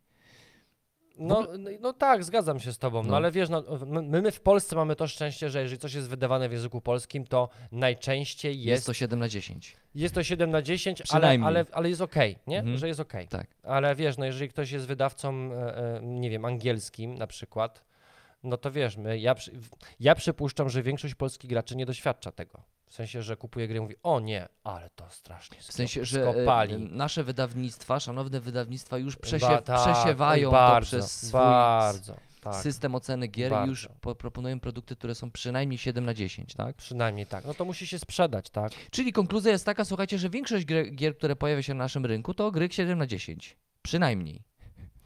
Tak, Więc dlatego też zrezygnowaliśmy z ocen e, tych systemowych, e, ocen liczbowych, dlatego że my w pewnym momencie zapędzaliśmy się sami w, kozi róg, bo zauważyliśmy, że każda gra, która do nas przychodzi jest przynajmniej 7 na 10. Tak, no 95% gier, które do nas przychodziły, no to były gry, które, a, warto pokazać na, u nas na kanale, 7 na 10. 7 na 10, no. No, tak to jest. Dla mnie to też są tytuły, które są y, no mało odkrywcze, w sensie nie proponują czegoś, czegoś oryginalnego, nie starają się być w jakimś tam względzie mm, wyszukane, inne. Y, Jest to jakiś standard. Ja sobie No nie, ja się akurat z tym nie zgodzę. Mhm. No a na przykład gra, ale nie, to już nie przychodzimy. No ale zobacz, y, no, bo mówimy sobie tutaj, że to zdo... ja, znaczy ja uważam, że y, gry 7 na 10 to jest taki standard, taki, który nie jest ryzykowny pod względem tego, co proponuje graczom. W sensie, że to prawdopodobnie się spodoba. Tak, jak Tak, ale to wiesz, to, ale, ale równie dobrze gra, która jest pewna, że się spodoba, y, może posiadać w sobie ten taki gen y, nowatorstwa. Może, ale to wtedy chyba już nie będzie 7 na 10. Nie, no, będzie wtedy- dlaczego? Ja, ja ci mogę, ja mam w swoim zbiorze, za które, które za, za chwilę zaczniemy prezentować, mam taką grę, która y, w swoim czasie, kiedy wyszła, miała swoją, no, swoją nowatorskość. Myślę, że po dziś dzień nadal ludzie ją uważają dla tego właśnie faktu y, y, czymś niesamowitym, ale jest dla mnie średniakiem i też pod względem BGG nadal Mhm. średniakiem jest. No, jeżeli miałbym wymieniać sobie jakieś synonimy gry, gier średni, to gra średnia 70 to jest taki przyzwoity tytuł. To jest taki dla mnie tytuł, e, ja to sobie napisałem jeszcze, e, gra, która, która jest spoko. Jest dla mnie taki 7 Fajna. na 10. Jest fajna, jest spoko, chociaż wolę to słowo spoko. Taka, taka okej po prostu. Czy to, to, to nie jest tytuł, który bym się chwalił, który bym wychwalał, który bym pokazywał wszemi wodzy, zoba, zoba, zoba jaka gra. To raczej bym, to jest taki tytuł, Ale nie ma też wstydu, jak ją masz. ale no nie ma wstydu i sobie do niej czasami wracam. Nie często i nie zawsze, ale czasami jestem w stanie sobie ją zagrać. Więc to, to nie są złe tytuły, po prostu. To są gry, które się sprawdzają. O, to też taki tak. Bo to też, nie jest, to też nie jest uczeń na trójkę, tylko to jest uczeń na czwórkę. tak, który się z stara. Z predyspozycjami. On się stara, ale nie jest najlepszy, po prostu. Proste. Dobra, ja myślę, Piotrze, że my powinniśmy przejść. przejść, do Mhm, tego, przejdźmy bo to już jest czas Mhm, tak, tak, tak. odpowiedni na to. E, ja zacznę, Zacznij. jeżeli mogę. Więc zacznę od tego tytułu, który e, przed chwilą chciałem zapowiedzieć. Gra, która przede wszystkim wprowadziła wiele m, swoim światem, który zaproponowała. Ten świat jest bardzo pożądany, co powoduje, że ta gra jest dzisiaj cholernie droga. Irracjonalnie dla mnie całkowicie. Mówię tutaj o grze. e, A, żeby jeszcze gwoli ścisłości. To, te gry, które teraz prezentuję, to są gry, które są średniakami z, e, według listy BGG. Twojej listy BGG. Nie, jak wejdziesz sobie na BGG tej gry konkretnej, którą podam, no to ale ona poczekaj, ma to- ocenę 7, e, w 7. Okej, ale to nie są twoje wzwyż. siódemki? Ja się z nimi zgadzam. A, rozumiem. Ja się z nimi zgadzam. W ten sposób W ten zrobiłeś. sposób zrobiłem, e, bo są gry, które posiadam, które na BGG mogą mieć siódemkę, ale dla mnie są wyżej. Mhm. E, a- Czyli stosujesz tutaj ocenę Tak. BGG y, i kategorię i wartościowanie tych gier i y, no okej, dobra. Ja tak sobie postanowiłem, że tak Mhm. zrobię. Ty zapewne masz to, że to jest twoje 7 na 10. Ale to też jest twoje 7 na To 10. też jest moje 7 na 10, ale chciałem dać przykłady gier, które y, również na BGG posiadają swoje oceny 7, między 7 a 7,9. Okej. Ok? Mhm. Dobra. Y, Bo jak już przed chwilą rozmawialiśmy przez tą godzinę, ocenianie jest subiektywne, więc dla niektórych to może być 10 na 10. Ale to ciekawe, wiesz co, bo ja nawet n- sobie n- z ciekawości sprawdzę, czy moje 7 na 10 zgadza się z oceną BGG. To nie wiem, albo wy napiszcie może, No to y, je, sprawdzaj. czy, czy wam się to... To, to sobie Sprawdzę. piszcie, teraz chwilę porozmawiam, a ty sobie powolutku każdą grę możesz sobie znaleźć na BGG. Dobrze, więc przechodzimy. U mnie pierwszą grą 7 na 10, której się, którą posiadam i nigdy się nie pozbędę, a przede wszystkim moja żona się nie pozbędzie, bo ja jej zaproponowałem, że może byśmy sprzedali, bo to dobry pieniądz, kupimy Volkswagena Passata w TDI-ku. E, Moja żona niestety powiedziała, że nie ma takiej możliwości. E, Gra, która mm, przede wszystkim zachwyca swoim światem, bo y, w żadnej innej grze ten świat nie istnieje. Mówię tutaj o Terry Pratchett e, Świat dysku Ankh Morpork. Gra systemowo całkowicie przeciętna. Gra, w której oczywiście są emocje i, i, i wiele rzeczy dziwnych się dzieje, ale gra systemowo już leciwa. No i ja już odczuwam, odczuwam znudzenie, jak gram w tę grę. E, Natomiast przez to, że to jest świat Terry Pratchetta, przez to, że wiem, jak ona oddziałuje na moich znajomych, jak oni w tę grę grają i że tam jest walka na noże i na śmierć i życie, więc uważam, że to jest bardzo dobry średniak, który ś- świetnie się spisuje w gronie moich znajomych. I myślę, że chyba rzeczywiście się nie pozbędę. Poczekam jak, chyba że, Jak chyba, że będzie już naprawdę 20 tysięcy za pudełko, no to wtedy może się zdecyduje. E, tak, tak. e, No, teraz ja rozumiem. No tak, E, To ja, e, jeden z moich tytułów, który gdzieś tam nawet rozpoczął naszą przygodę z prezentacją, e, tworzeniem recenze- recenzji na kanale, to, są, to jest gra e, Champions of Midgard, czyli e, gra wydana, zlokalizowana e, u nas przez Czacha Games, czyli Wojownicy Midgardu. Jest to gra z 2015 roku. Zobacz, jaka to jest już leciwy tytuł. Jak grę zostawię, to, to rzeczywiście dla mnie jest taki standard, jeżeli chodzi o gry euro, bo to jest taki podobny poziom jak e, Lords of Waterdeep. Bardzo, bardzo podobny, chociaż no, wojownicy Midgardu mają jeszcze tam ten aspekt dodatkowych kart, jeszcze tam możemy Kości e, są. zbierania, e, jeszcze są kości, rzucamy tam jakieś wyniki i tak dalej, więc mm, no jakby absolutny, jeżeli miałem podać jakąś, jakiegoś takiego, nie wiem, mm, y, grę, żeby wytłumaczyć komuś, czym jest gra euro, typu worker placement, no to, to, to są dwa takie tytuły. E, Właśnie jest to, są to Wojownicy Midgardu i Lo- Lords of Waterdeep. Standard, gra, do której y, wracam, teraz pewnie będę częściej wracał za sprawą swojej córki, no bo to też jest taki system, który możesz dość szybko wytłumaczyć. Mm, Standardzik, jakby 7 na 10, tu, tu, tu, się, tu się nie zmieni u mnie i gra zostanie w kolekcji. okej. E, U mnie na drugim miejscu jest odlotowy wyścig. E, A ty masz tą wersję taką jeszcze deluxe, tam Ja mam wersję, tam. wersję troszeczkę deluxe. E, Ja w ogóle tę grę kupiłem od Gambita, jak byliśmy na Prykonie. E, Ja On ci sprzedał grę 7 na 10? 7 na 10, no. Prawda? No. E, Ja, ja bardzo lubię ten tytuł z dwóch powodów. Po pierwsze, że mm, jest to wyścig, a ja jestem graczem, który lubi konkurować bardziej niż kooperować.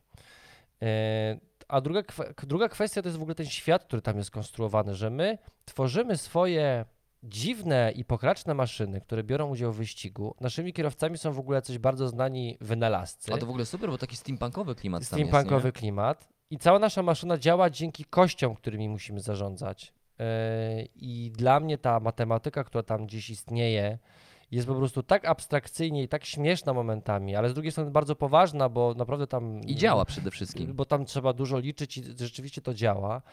Czuć klimat tego, że my się ścigamy. Te, te, te, te wyścigi są nieprzewidywalne, bo po, po, są jakieś pułapki na trasach, są te zakręty w ogóle. Niektóre rzeczy mogą nam wybuchnąć, bo, bo, bo się coś tam przepali, albo nie wiem. No, no, dziwne rzeczy. No, tra- tracimy część swojego statku, który gdzieś tam się rozpada.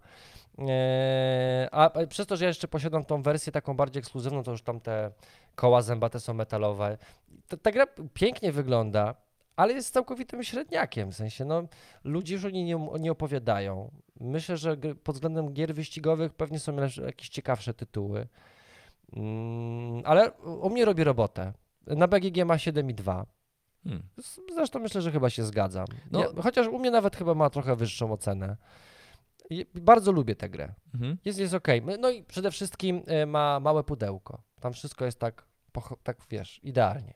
No jeżeli chodzi o wojowników Midgardu, to na BGG ta gra ma e, 7,8, więc tak już blisko, tej ósemki. no. Ale ona przez długi czas, dłuższy czas miała, gdzieś tam trzymała się tej siódemki, więc y, tutaj też mam wrażenie, jest to. Oczywiście oceny mogą się zmieniać, to też jest bardzo ciekawy aspekt, myślę, na jakiś tam kolejny podcast, jak nasze oceny względem konkretnych tytułów się zmieniały, albo zmieniają się, albo wiesz, że kiedyś daliśmy grze tam 7 na 10, a teraz byśmy jej dali na przykład 4 na 10, nie? Więc jakby to też się może zmieniać, to, to, to jakby, no, to, to jest bardzo płynny temat. Mm, To tak jak z pogodą. No, dzisiaj lubimy sło- słońce, a jutro mamy ochotę na deszcz i na, i na gradobicie, i na śnieg. E, Kolejny tytuł, który myślę dla Ciebie nie będzie zaskoczeniem, to e, karcianka Deck Builder, e, karcianka wydana przez Egmont. Dość świeży tytuł, wydany dość niedawno. Mm, Pojedynek superbohaterów DC. Mhm. E, Standardowy deck builder, jakby zero odkrywczości tutaj. E, Niektórzy recenzenci mówią, że to takie już nawet trochę fopa wydawać tak, tego typu systemy, które są jeden do jednego, takim deck builderem, takim standardowym, esencjonalnym, takim, w którym nie ma żadnych twistów e, i, ta gra taka jest. Ona niczym nie zaskakuje. Ale z jednej strony zostawię ją, ponieważ szybki deck builder, zawsze dobry. E, No i jeszcze bohaterowie DC, to też myślę robi tutaj robotę, więc ten punkcik gdzieś tam wyżej, e, właśnie ze względu na temat. Ja nie jestem jakimś dużym fanem komiksów w ogóle, ja nie czytam komiksów, wolę literaturę, E, ale no, jakiś taki dzieciak odzywa się we mnie po prostu, kiedy gram w tę grę, to, to, to widzę tych bohaterów i że i tam trochę jestem tym Supermanem. Więc Dobra. 7 na 10. To jeżeli ty masz takiego deck buildera, no to ja też muszę mm, muszę też taką grę wrzucić. Ja w ogóle uwielbiam gry deck builderowe. A to teraz wrzucasz? A, to ta lista teraz, teraz powstaje Nie, nie, nie, troszeczkę, nie, tak nie, nie, wiesz co, bo ja mam właśnie nową edycję i Aha. chciałem zobaczyć, jest, dobrze, chcę zobaczyć jaką ma ocenę, bo, bo stara z 2014 roku ma 7,1, a chcę zobaczyć jaką ma nową. E, teraz będę mówił o grze Valley of the Kings, czyli e, to jest Aleja Królów, Mhm. tak myślę. No, ma wyższą ocenę, 7,6, nowa edycja Premium Edition. e, Ponieważ No, to ona, posiada, taka- ona posiada dodatki Mhm. jest, nie, nie, no tam cała szata graficzna została zmieniona, bo w wersji 2014 była brzydka, jak nie wiem, Mhm. jak noc, e, a wersja 2019 już jest poprawiona, ma dużo ładne karty i w ogóle Ale to też jest taki wygląda. standardowy deck builder? Tam niczym się To jest dokładnie to samo, co, co DC, Ale czyli tam- 5 kart. Ale tam jakąś piramidkę ustawiamy A, no to jest właśnie różnica, że jeżeli chcesz zakupić coś, co jest, e, co jest niżej, no to musisz czasami kupić karta, które, kartę, która ci nie pasuje. Słuchajcie, nadal istnieje opcja, że zagramy w tę grę e, w naszej edycji Liga Pogramy. Staramy się, ale patroni mają inne pomysły. Patroni nasi głosują na gry, które będziemy się w które będziemy się pojedynkować, więc jeżeli chcecie zostać patronem, to oczywiście zapraszamy do naszej loży patronów i tam będziecie decydować również w co gramy. Yy, no, szkoda, że nie zagramy w tę grę, ale to wiesz, może, można jeszcze w jakimś kolejnym głosowaniu zapadać Może się, ja, ja będę to przemycał, nie martw się. Mhm. E, więc to jest taki klasyczny, klasyczny deck builder, który jest y, nam znany. To znaczy posiadamy, e, za, zaczynamy zawsze, mamy 10 kart, dobieramy 5. E, te karty służą nam do tego, żebyśmy coś kupowali, coś, e, coś zdobywali, coś wa- tam przesuwali, walczyli te sprawy, więc... E, no i oczywiście wszystko jest w klimatach starożytnego Egiptu, który uwielbiam. Od dzieciaka zawsze lubiłem wszystko, co jest związane z Egiptem. E, No i, i ja Wam bardzo serdecznie tę grę polecam. Na BGG w tym momencie ta edycja ma 7 na 6, no bo przypuszczam dlatego, że A ma wszystkie dodatki, które wyszły, B została poprawiona szata graficzna. E, Ale jeżeli Wy lubicie gry, gdzie się buduje talię, e, zachęcam Was do tego, żebyście zapoznali się z tą grą. Bo myślę, że ona. Ona jest dostępna w ogóle w sprzedaży takiej... Nie wiem. Ja mnie się udało, znowu intuicja mi poprowadziła, po prostu pewnego dnia rano zrobiłem kawę i zamiast odczytać maile służbowe, to wszedłem na grupę sprzedażową. Są priorytety, umówmy się. I dosłownie post, który miał 5 minut swojej wartości y, cza- czasowej, to było, że między innymi jest ta gra wersji premium, bo się skończył Kickstarter i ja powiedziałem biorę. Chyba niezła cena. I, nie żałuję i nie pozbędę się tej gry, mimo że tutaj właśnie jest średniakiem, to ona dla mnie wewnętrznie przez moje upodobania deklasuje te deck buildery, które w tym momencie są. Y, no i tyle. No bo, bo widzisz, to jest to, te- temat ciebie kupuje, prawda? Bo tam jest temat związany ze starożytnym Egiptem, ty zawsze Ona tak, lubiłeś ona Egipt. nadal nie jest ładna, to- ona nadal nie jest tematycznie, No ale- że jesteśmy super bohaterami, bo tam to jest wszystko kwestia związana, wiesz, że No, z ale, ale, ale gra punktuje czci. tematycznie, nie? W, w, Tak, w, zdecydowanie bardzo. tak. No bo jeżeli tam Ja dwa miał... lata na nią, ja czekałem w ogóle na tę nową edycję, ja dwa lata chorowałem i chciałem mieć tą poprzednią z 2014. No i masz, i się cieszmy, i bij, bijmy brawo. Cieszę się, tak. E, Ja mam e, giereczkę, która y, teraz też często ląduje na stole właśnie z tego względu, że mam etap zarażania grami planszowymi, y, no zarażam grami planszowymi swoją córkę. Jest to gra y, Karuba, która no, ja bym jej nie dał e, 7 na 10 ja jako gracz, ale biorąc pod uwagę obecną moją sytuację rodzinną, w tom, że coraz częściej zaczynam grać w, również w gry familijne i zaczynam je odkrywać i nimi się interesować w ogóle jakoś bardziej, więcej, intensywniej, to to jest dla mnie idealny tytuł. I to jest właśnie takie rzeczywiście 7 na 10, bo to jest taki standardzik, e, giereczka, która, w którą może zagrać każdy. Mm, również dzieci się odnajdą w, tej grze, nawet pięcioletnie, bo jakby spra- sprawdzony temat. Gra polega w sumie na tym, że mm, musisz budować sobie mm, y, y, dro- drogę do skarbu. Punktujesz Tak, grałem z tobą. najlepszy skarb bo tam ten i budujesz sobie taki, budujesz sobie dróżki, dobierasz sobie kafelki i budujesz sobie te drogi do skarbu. E, Ale my mamy tam inne wyspy, prawda? E, Każdy ma swoją, tak, No każdy ma właśnie. swoją wyspę i każdy, ma, każdy, e, każdy dobiera identyczny kafelek, ale z innego punktu zaczyna na tej wyspie, prawda? I też w innym punkcie każdy ma świątynie, do których musisz do, dojść, żeby zdobyć skarb. Ten gracz, który zdo- zdobędzie najbardziej wartościowe sk- skarby, najwyżej punktowane, wygrywa. Mega prosta giereczka. Równie dobrze można sobie to zagrać jakby wyrysować sobie na kartce papieru te, wiesz, te pewne elementy i możesz sobie rysować labirynt i też możesz grać w ten podobny system, nie? Jakby. Y, Więc no ja Karubę polecam, ja nie wiem, chyba ona już nie jest niestety dostępna, y, ale bardzo przyjemny tytuł i jeżeli szukacie gry takiej dla, dla swoich pociech, to, to, to, to idealny tytuł, naprawdę. Bardzo dobrze się sprawdza. Pozycja czwarta na mojej liście. Gra w rankingu BGG posiada 7,1. Straszny, przeciętny średniak. E, Gra, która się nazywa Cold Express. Dla mnie gra jest całkowicie odjazdowa, bo oczywiście znowu patrzę z perspektywy graczy, z którymi mogę w tę grę zagrać. Gra mechanicznie, umówmy się, tam wiesz, zagrywasz karty w ciemno i później je Zabawa. rozpatrujesz. Bardziej Zabawa. zabawa. Polecamy w ogóle zabawy, graliśmy z Kłazem, recenzentem gier wideo. Świetny tytuł do, do nauczenia się grania w gry. Dla tych, którzy gry już dobrze znają, to jest całkowita odskocznia do tego, żeby po prostu spędzić ze sobą fantastycznie czas. Pełna bardzo dużo losowości, ale można sobie coś próbować obliczyć i przewidzieć. E, Gra dodatkowo tworzy nam jeszcze przeszkody, bo mamy karty, które mówią nam, e, jakie przeszkody są, stoją przed nami przed pociągiem. Czasami idziemy w tunelu, więc jest ciemno, więc część kart zagrywamy w po ciemku, nie wiemy kto co zagrał, więc jest dużo takich ciekawych twistów. Dodatki w ogóle jeszcze dodają jakiegoś szeryfa i ktoś może mieć zupełnie inny cel i musi złapać tych złych bandziorów, którzy napadają na pociąg. E, może być jeszcze e, dy, dyliżans, który jest obok. Możemy porywać w ogóle goś, gości, którzy tam tym dyliżansem jeżdżą. Gra jest świetna, bo mamy trójwymiarowe pociągi. Więc wizualnie w ogóle świetnie się to gra. Są oczywiście kaktusy, które ciągle się przewracają, których nie wyciągasz, no bo, bo to wstyd. Gra jest, gra jest całkowitym średniakiem, bo na niczym nie zaskakuje. Bo to jest taka, dla mnie to jest bardziej gra imprezowo-rodzinna niż, niż jakaś taka poważna rozgrywka. Ale u mnie się świetnie sprawdza. To jest świetny tytuł. No. Czyli jednak nie średniak.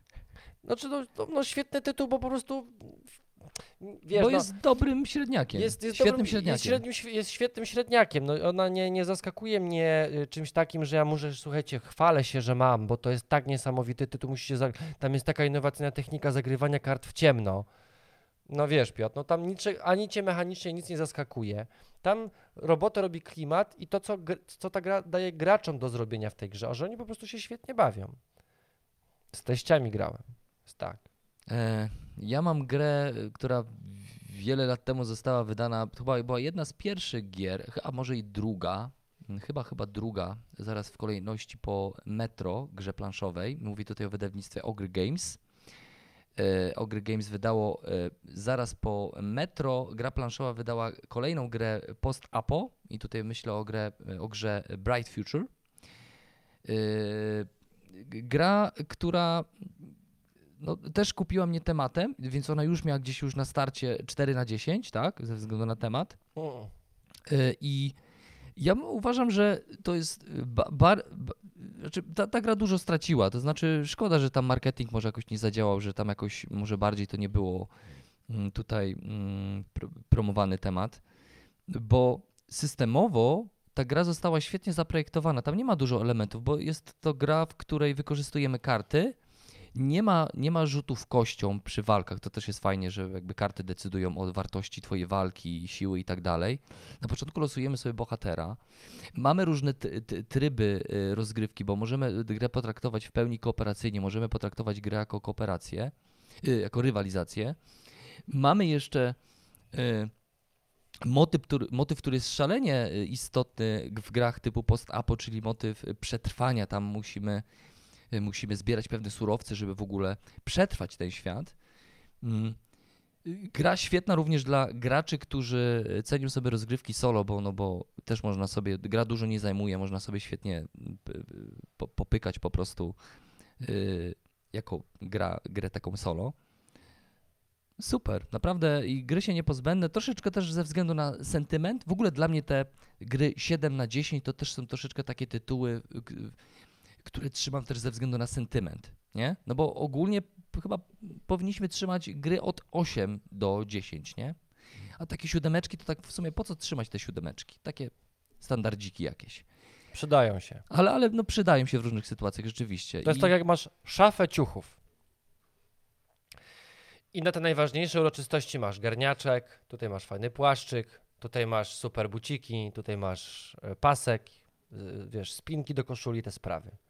Ale jak idziesz na dobrą imprezę z, z, z fajnymi ludźmi, to zakładasz fajne ciuchy, żeby dobrze wyglądać, ale nie założysz garniaka, no bo troszeczkę zbyt ekstrawagancko. Ale nie założysz też dresów i szmatławego t-shirta, no bo nie wypada. Proste? No, no, no tak, no, warto, No to- mieć, warto mieć w szafie różnorodność. O. I na półce giereczkowej tak również. jest. Więc Tak jest. jeżeli, mm, jeżeli miałbym, e, mia, miał, znaczy nie chciałbym sytuacji, w której będę wybierał, co, co sprzedać, chociaż e, no, czasami dochodzi do takiego momentu, w których po prostu brakuje miejsca, więc coś musisz sprzedać, nawet jak tego bardzo nie chcesz, no to mimo wszystko e, będę starał się sprzedawać 6 na 10 niż 7 na 10, to na pewno, prawda? E, To takie tytuły na pewno pójdą e, pierwsze. Ja już niestety większość tych takich 6 na 10 się pozbyłem i teraz zostają już takie, które Teraz muszę zostają 7 na 10. sprzedać. Naprawdę. No właśnie, Może więc- kiedyś zagram. Ale że jeżeli, jeżeli lubicie klimaty post-apo, y, y, znaczy pewnie tej gry nie dostaniecie, ale może tam z drugiej ręki coś tam na, y, gdzieś znajdziecie sobie na Allegro albo w innych miejscach na Facebooku. Y, Jeżeli lubicie post-apo y, i wszystko to, co związane jest z tym światem, czyli aspekt przetrwania, aspekt y, chodzenia po tunelach, w ogóle ta, bar, ta gra, Bright, of, Bright y, to jest dokładnie mm, Bright of Future, tak? Bright Future, nie, Bright Future. Bright Future. Fu- wiem. Y, to ta gra ma więcej z metro niż same metro, tak? Bo tam y, naprawdę klimatycznie zostało to tak ciekawie połączone, że tam nie ma zbyt, zbyt dużej różnorodności, bo tych kart nie ma tam zbyt dużo i w pewnym momencie gramy często w, w grę, no to czujemy jej powtarzalność, ale pod względem klimatu i to, co robimy w tym świecie, ja, ja jestem na tak, nie, nie, nie okej. sprzedam. Mhm. Dobra. No i, i piąta pozycja. E, W rankingu BGG ma 7,5, więc już jest takim dobrym średniaczkiem, bardzo dobrym średniaczkiem. E, Gra Fantastyczne Światy. Świetnie się sprawdza w grze dwuosobowej, bo ci, co oglądali naszą prezentację, naszą recenzję, wiedzą, że e, e, wydawcy popełnili błąd, nie pisząc, że to jest gra dla dwóch osób, bo gra dla, na dwie osoby gra świetnie i uważam, że jest lepsza niż gra dla kilka osób. Prosta talia kart. Musimy y, tak składać swoją talię, żeby robić zestawy, które dają najwięcej punktów i liczymy bardzo długo punkty, nawet chyba dłużej niż trwa sama gra. Podobno, Podobno. Tak mówią. Niektórzy Mhm. mają problemy z dodawaniem. Fantastyczne światy. y, One nie wyróżniają, się, nie wyróżniają się wielkością, no bo to jest tylko talia kart. Nie wyróżniają się w ogóle wizualnością, bo te grafiki są nawet bym powiedział brzydkie. Takie z jak starej książki z lat 70., gdzie ktoś próbował wyobrazić sobie, jak, Jak wygląda świat fantazy. Jak z pierwszych podręczników gier RPG, Dungeons and Dragons, ale malowanych jeszcze, ten etap Malowanych. już malowanych. E, Natomiast no, za tą grą przede wszystkim stoi mechanika, która jest według mnie po prostu genialna. E, i, i, i bawi mnie to, bo Ja potrafię y, przed spaniem zagrać sobie 5-6 partii i, i, i, czuć przyjemność z tego, że smoka połączyłem z jaskinią, albo udało mi się zdobyć medalion, który daje punkty, jak mam każdą kartę inną. No, po prostu jak- jakby sztos, sztos. Y, I, no ale to jest średniak. W sensie, no, mm, to nie jest gra wybitna, to według mnie. mm, Może gdyby ona rzeczywiście wyglądała tak epicko, albo żeby jeszcze było jakieś dodatki do tego, że można było to rozbudowywać, że wyjąć na przykład króla i dać na przykład jakąś inną kartę. No gdyby to albo- wyglądało tak jak ilustracje Magic the Gathering, no to pewnie nie byłoby 7 na 10. No nie, no to wtedy to był już by, to byłaby epicka, ale żeby to rozbudowywać, żeby nawet, nawet niech to zostaną sobie już te grafiki, już okej, ale żeby coś jeszcze coś z tym zrobić, bo tam po prostu się chce, żeby to zmieniać, no bo wiesz, zagrasz dwi- 27 partię, no to mówisz, dobra, znowu mi się udało zebrać to samo, no okej, Mhm. no dobra, nie? No tak. No, ale nie, naprawdę, dobry, bardzo dobry średniak, fantastyczny świat u mnie zostaje. Okej, czy to jest ostatni, do- który będziemy Dla mnie teraz to jest podawać? ostatni i chciałbym jeszcze powiedzieć jedną rzecz, ale to już nie będzie w moim rankingu. Okej, e, no to ja chciałem tutaj powiedzieć o dwuosobówce, która świetnie się sprawdza w, w takiej grze, jaką, jaką jest gra dwuosobowa. E, mówię to o tej grze Nagaraya. My prezentowaliśmy ją na kanale, była, więc możecie sobie zobaczyć, e, tutaj nad nami się pewnie będzie pojawiać. e, Nie znajdziesz tego czasu, kiedy musisz rzucić tą kartę w naszym E, YouTubie. po- Postaram się. Ale na pewno możecie wyszukać sobie u nas na kanale grę Nagaraya, wydaną przez Rebel.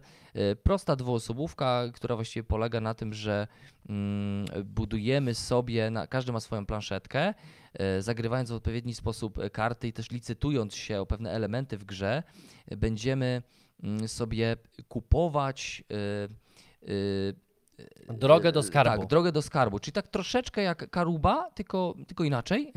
E, I będziemy budować sobie do skarbu e, właściwie drogę do świątyni, w której może być e, skarb albo klątwa. Tak? To też tam jest ta, takie ryzyko, że możemy natrafić na, na coś, co nam po, popsuje e, punktację tak, końcową. Po prostu możemy przegrać, jeżeli nie trafimy na element w grze, który, na który powinniśmy natrafić. Więc budujemy sobie, e, budujemy sobie te, te drogi, na każdy, każdy na swojej planszetce, zagrywamy karty, kupujemy je za pewne elementy, które zbieramy. W grze tam w ogóle super zostało to zbudowane, ponieważ mamy takie zamiast, bo tam też jakby aspekt losowości jest bardzo istotny, tam rzucamy kośćmi, ale to nie są takie typowe kości, tylko to są takie, e, to w grze fabularnie zostało to jakoś tam nazwane, bo to są jakieś To elementy, są runy chyba jak, pewnie jak, jakieś. jak, chyba jakieś runy albo jakieś tam elementy z tych świątyń, który, które zostały gdzieś tam zagrabione i tam, no nie wiem, jakoś to spisane w, w fabu, temat tej gry.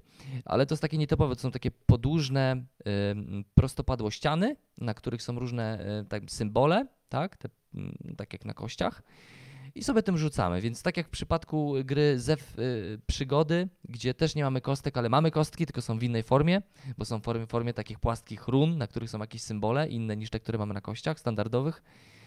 Przyjemna gra, bo w ogóle bardzo, bardzo, bardzo dobrze wykonana też i ładna, e, więc jakby lubimy, jeżeli lubimy jeszcze te klimaty Indiana Jonesa i odwiedzania świątyń, to, to też może przypasować. A jeżeli szukacie dobrej gry dwuosobówki, to myślę, że on też może się Wam spodobać. jest No ale ładnie wykonana. Też. jest ładnie wykonana, tak, bardzo schludnie, no ale takie 7 na 10, jakby nic, co, co by mogło sprawić, że to jest coś więcej niż 7 na 10, nie? No dobra, a powiedz mi takie ostatnie pytanie na koniec naszego podcastu, bo zapewne ględzimy już bardzo długo. No. Która gra, yy, którą pamiętasz z swojej kolekcji, miała u ciebie bardzo wysokie noty, a z czasem wpadła w, w tą kategorię średniaków? Czy masz, taki, masz taką grę? Mhm. Która to mogłaby być gra? Em, Bo ja ci mogę powiedzieć. Powiedz, moje, ja moje, się zastanowię, no. zastanów. Nie, Na samym początku e, naszej takiej, można powiedzieć, zaawansowanego kupowania gier planszowych, nie mówię oczywiście, bo ja doświadczyłem Magiców, czy grało się w jakieś takie gry typu Labirynt jako, jako dziecko, ale mówię już w takim, w takim czasie, kiedy już byliśmy dorośli, byliśmy już na swoim i zaczęliśmy kupować e, takie mm, gry planszowe dla zawodowców i widzieliśmy już, że są naprawdę potężne rzeczy. No to na przykład u mnie e, mm, taką grą była Posiadłość Szaleństwa, pierwsza edycja. Ja osobiście jej nie posiadam, bo korzystaliśmy zawsze, zawsze spotykaliśmy się u ciebie, przychodziliśmy to. Ale właśnie pamiętam takie zachłyśnięcie tą, tą, e, tą mrocznością i i niesamowicie ja wchodziłem wtedy w temat. Pamiętam, że nawet się umówiliśmy na malowanie figurek, jeszcze w ogóle zrobiliśmy to strasznie tak pokracznie, niczego jeszcze wtedy nie umieliśmy robić dobrze. Nie no, ja y, uważam, że spoko mi wyszło. Nie, dobra, no okej, patrzę dzisiaj z perspektywy dzisiejszego swojego doświadczenia, wiem, że to można było zrobić tysiąc razy lepiej. No, ale to właśnie była taka gra, która była, miała bardzo wysokie u mnie noty, ja tylko czekałem na moment, na moment kiedy w końcu znowu się spotkamy w weekend, spędzimy 6 godzin na, na, na, na posiadłości szaleństwa i powiem Ci, że dzisiaj z perspektywy czasu i tego naszego doświadczenia uważam, że to jest bardzo średnia gra dzisiaj. E, Przede wszystkim z tego, z tego motywu, że jeden z graczy musi być tym złym. I że mm, nawet jeżeli, bo wiesz, bo y, jeżeli na przykład jeden z graczy, przykładowo właściciel gry, czyli na przykład ty, nie przeszkadza tobie to, że ty jesteś tym złym i że ty jesteś mistrzem gry i prowadzisz to wszystko, co tam gracze Mhm. robią, no to jest, to jest temat zamknięty, jakby wszystko jest okej. No ale jeżeli ty chcesz być badaczem, no to jakaś inna osoba musi się nauczyć grać złym. No i teraz jest właśnie problem, bo a, gra jest duża, ma dużo mikrozasad. E, e, gracz, który gra tym, tym złym, musi zrozumieć, o co w tej grze chodzi, żeby rzeczywiście był wyzwaniem dla tych graczy. No i tu zaczyna właśnie to, zaczyna być ten taki, taki problem. I znowu ta osoba powiedziała, wiecie co, nie, to nie jest dla mnie, może teraz ty bądź zły. I znowu ona musi się nauczyć i, i, i to, to i wiesz, przygotowanie tego rozłożenia na stole, wiesz, to cały czas, każdy scenariusz trzeba było przygotować wcześniej, karty w ogóle. To było strasznie męczące. No i właśnie dla mnie to, to Posiadłość Szaleństwa, pierwsza edycja była właśnie takim bardzo dobrą grą, która teraz jest na bardzo takiej średniej pozycji. Y, To ja bym powiedział, że taką grą, w którą często grałem, właśnie w kontekście takich spotkań naszych, takich spontanicznych spotkań e, z planszówkami, e, takich gdzieś tam naszych też początków, gdzieś tam to ten okres właśnie posiadłości szaleństwa, pierwsza edycja, e, to, to ja myślę, że tajemnicze domostwo dla mnie jest taką grą. Tym bardziej teraz po spotkaniu z grą, e, którą ostatnio prezentowaliśmy na, na kanale, czyli z grą Paranormalni Detektywi wydani, wydani przez Lucky Duck Games. Ja bym już do tej gry nie wrócił. W sensie, pomijając fakt, że ta gra już w pewnym momencie już się tak stała powtarzalna przez brak dodatków, dodawania nowych kart, Jest jeden dodatek do możliwości. tego, z No, tego co pamiętam. no tak, re- y, portal wydał rzeczywiście, no ale jakby to, to, No ale nie, to tak. nie jest poziom dodatków, na przykład, który występuje w poziomie, po, postaci Dixita, nie? Jakby, nie, oczywiście, że jeżeli tak. grasz dużo w tę grę y, mm, i poznajesz te karty, to jeszcze grasz w tym samym towarzystwie, to jakby widzisz podobne, podobny styl i schemat ich myślenia, że na przykład grają na kolory albo, gra, albo grają na, na kształty trochę, nie? Na tych kartach, które tam Albo na jedzenie. Tak, więc y, no, kiedyś bardzo lubiłem w to grać, y, a teraz, teraz już bym na pewno nie dał tej grze 7 na 10. Nawet mniej. No, zdecy- zdecydowanie Okej, mniej. rozumiem, no, dobra. No, tak, tak, tak. Tak. Okej. No dobra. Słuchajcie, myślę, że wyczerpaliśmy ten temat na jakiś czas. Tak. Ja myślę, że za jakiś czas znowu wrócimy do tematu naszych średniaków, jeżeli nadal będziemy robić kanał i nadal będziemy mieć takie średniaki w swojej kolekcji. Y, My oczywiście zachęcamy Was do tego, żebyście podzielili się w komentarzu, napisali, jakie Wy macie średniaki w grach e, mm, i dlaczego się tych średniaków nie pozbędziecie. Mm, no, Ja myślę, że większość rynku jest wypełniona takimi właśnie średniakami, tylko te nieliczne tytuły są takie mm, wyjątkowe, gdzieś tam bliskie ideału. A w większości obcu- obcujemy z grami, które są do siebie A, dość podobne, e, skonstruowane w jakiś sposób taki standardowy, przewidywalny. Y, Obcujemy z tytułami, które są mimo wszystko dość podobne do siebie, nie? Więc tych średniaków będzie przybywać, obawiam się. Tak, będzie ich coraz więcej. Tak może być. Moi drodzy, bardzo Wam serdecznie dziękujemy. nie znaczy, że to są złe gry, To nie? nie są złe gry, tak. Bardzo Wam serdecznie dziękujemy za e, wysłuchanie nas do końca. Dla wszystkich tych, którzy to zrobili, wielkie gratulacje. Jest nam też bardzo miło, bo e, wiemy, że słuchać dwóch e, geeków o grach planszowych przez dwie godziny, To- to Piotrze, bo tyle nagrywamy. O, no to dzisiaj, dzisiaj rekord Dwie godziny. To dzisiaj rekord, dzisiaj rekord, słuchajcie. A ja wcześniej nockę jakby Jeszcze poświęciłem. zerwałeś. No. Więc to, że Ja rozmawiamy chciałem Wam dzisiaj- powiedzieć, żebyście mieli świadomość, o której godzinie nagrywamy. W tym momencie jest godzina 23.28. O, a na, no tak, czyli my do łóżeczka, czyli my mówimy wam dobranoc. Tak jest, a Wy dzień dobry. Sobie. Tak, więc no jeszcze raz serdecznie wam dziękujemy, że z nami jesteście. Super, że podcasty wam się podobają i lubicie y, słuchać naszej y, gratko gadaniny.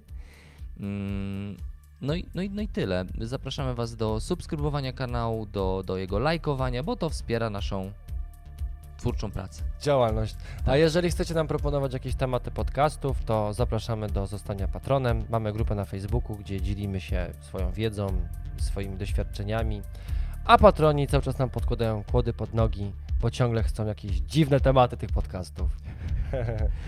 Tak, e, ale bardzo... Ale jest to kreatywne, ale w sensie, wiesz, bo inspirujące to, bo zawsze to za bo każdym nas, razem, wiesz, tak. bo to tak nagle, o, Super, no, no, ale zobacz, super, że nie zalewają nas tylko takimi te, tematami z, związanymi topkę. z, z topkami. nie? Topka, Więc top jest- 50, Jest, zróbcie różnorodność, top więc- 50 widzów.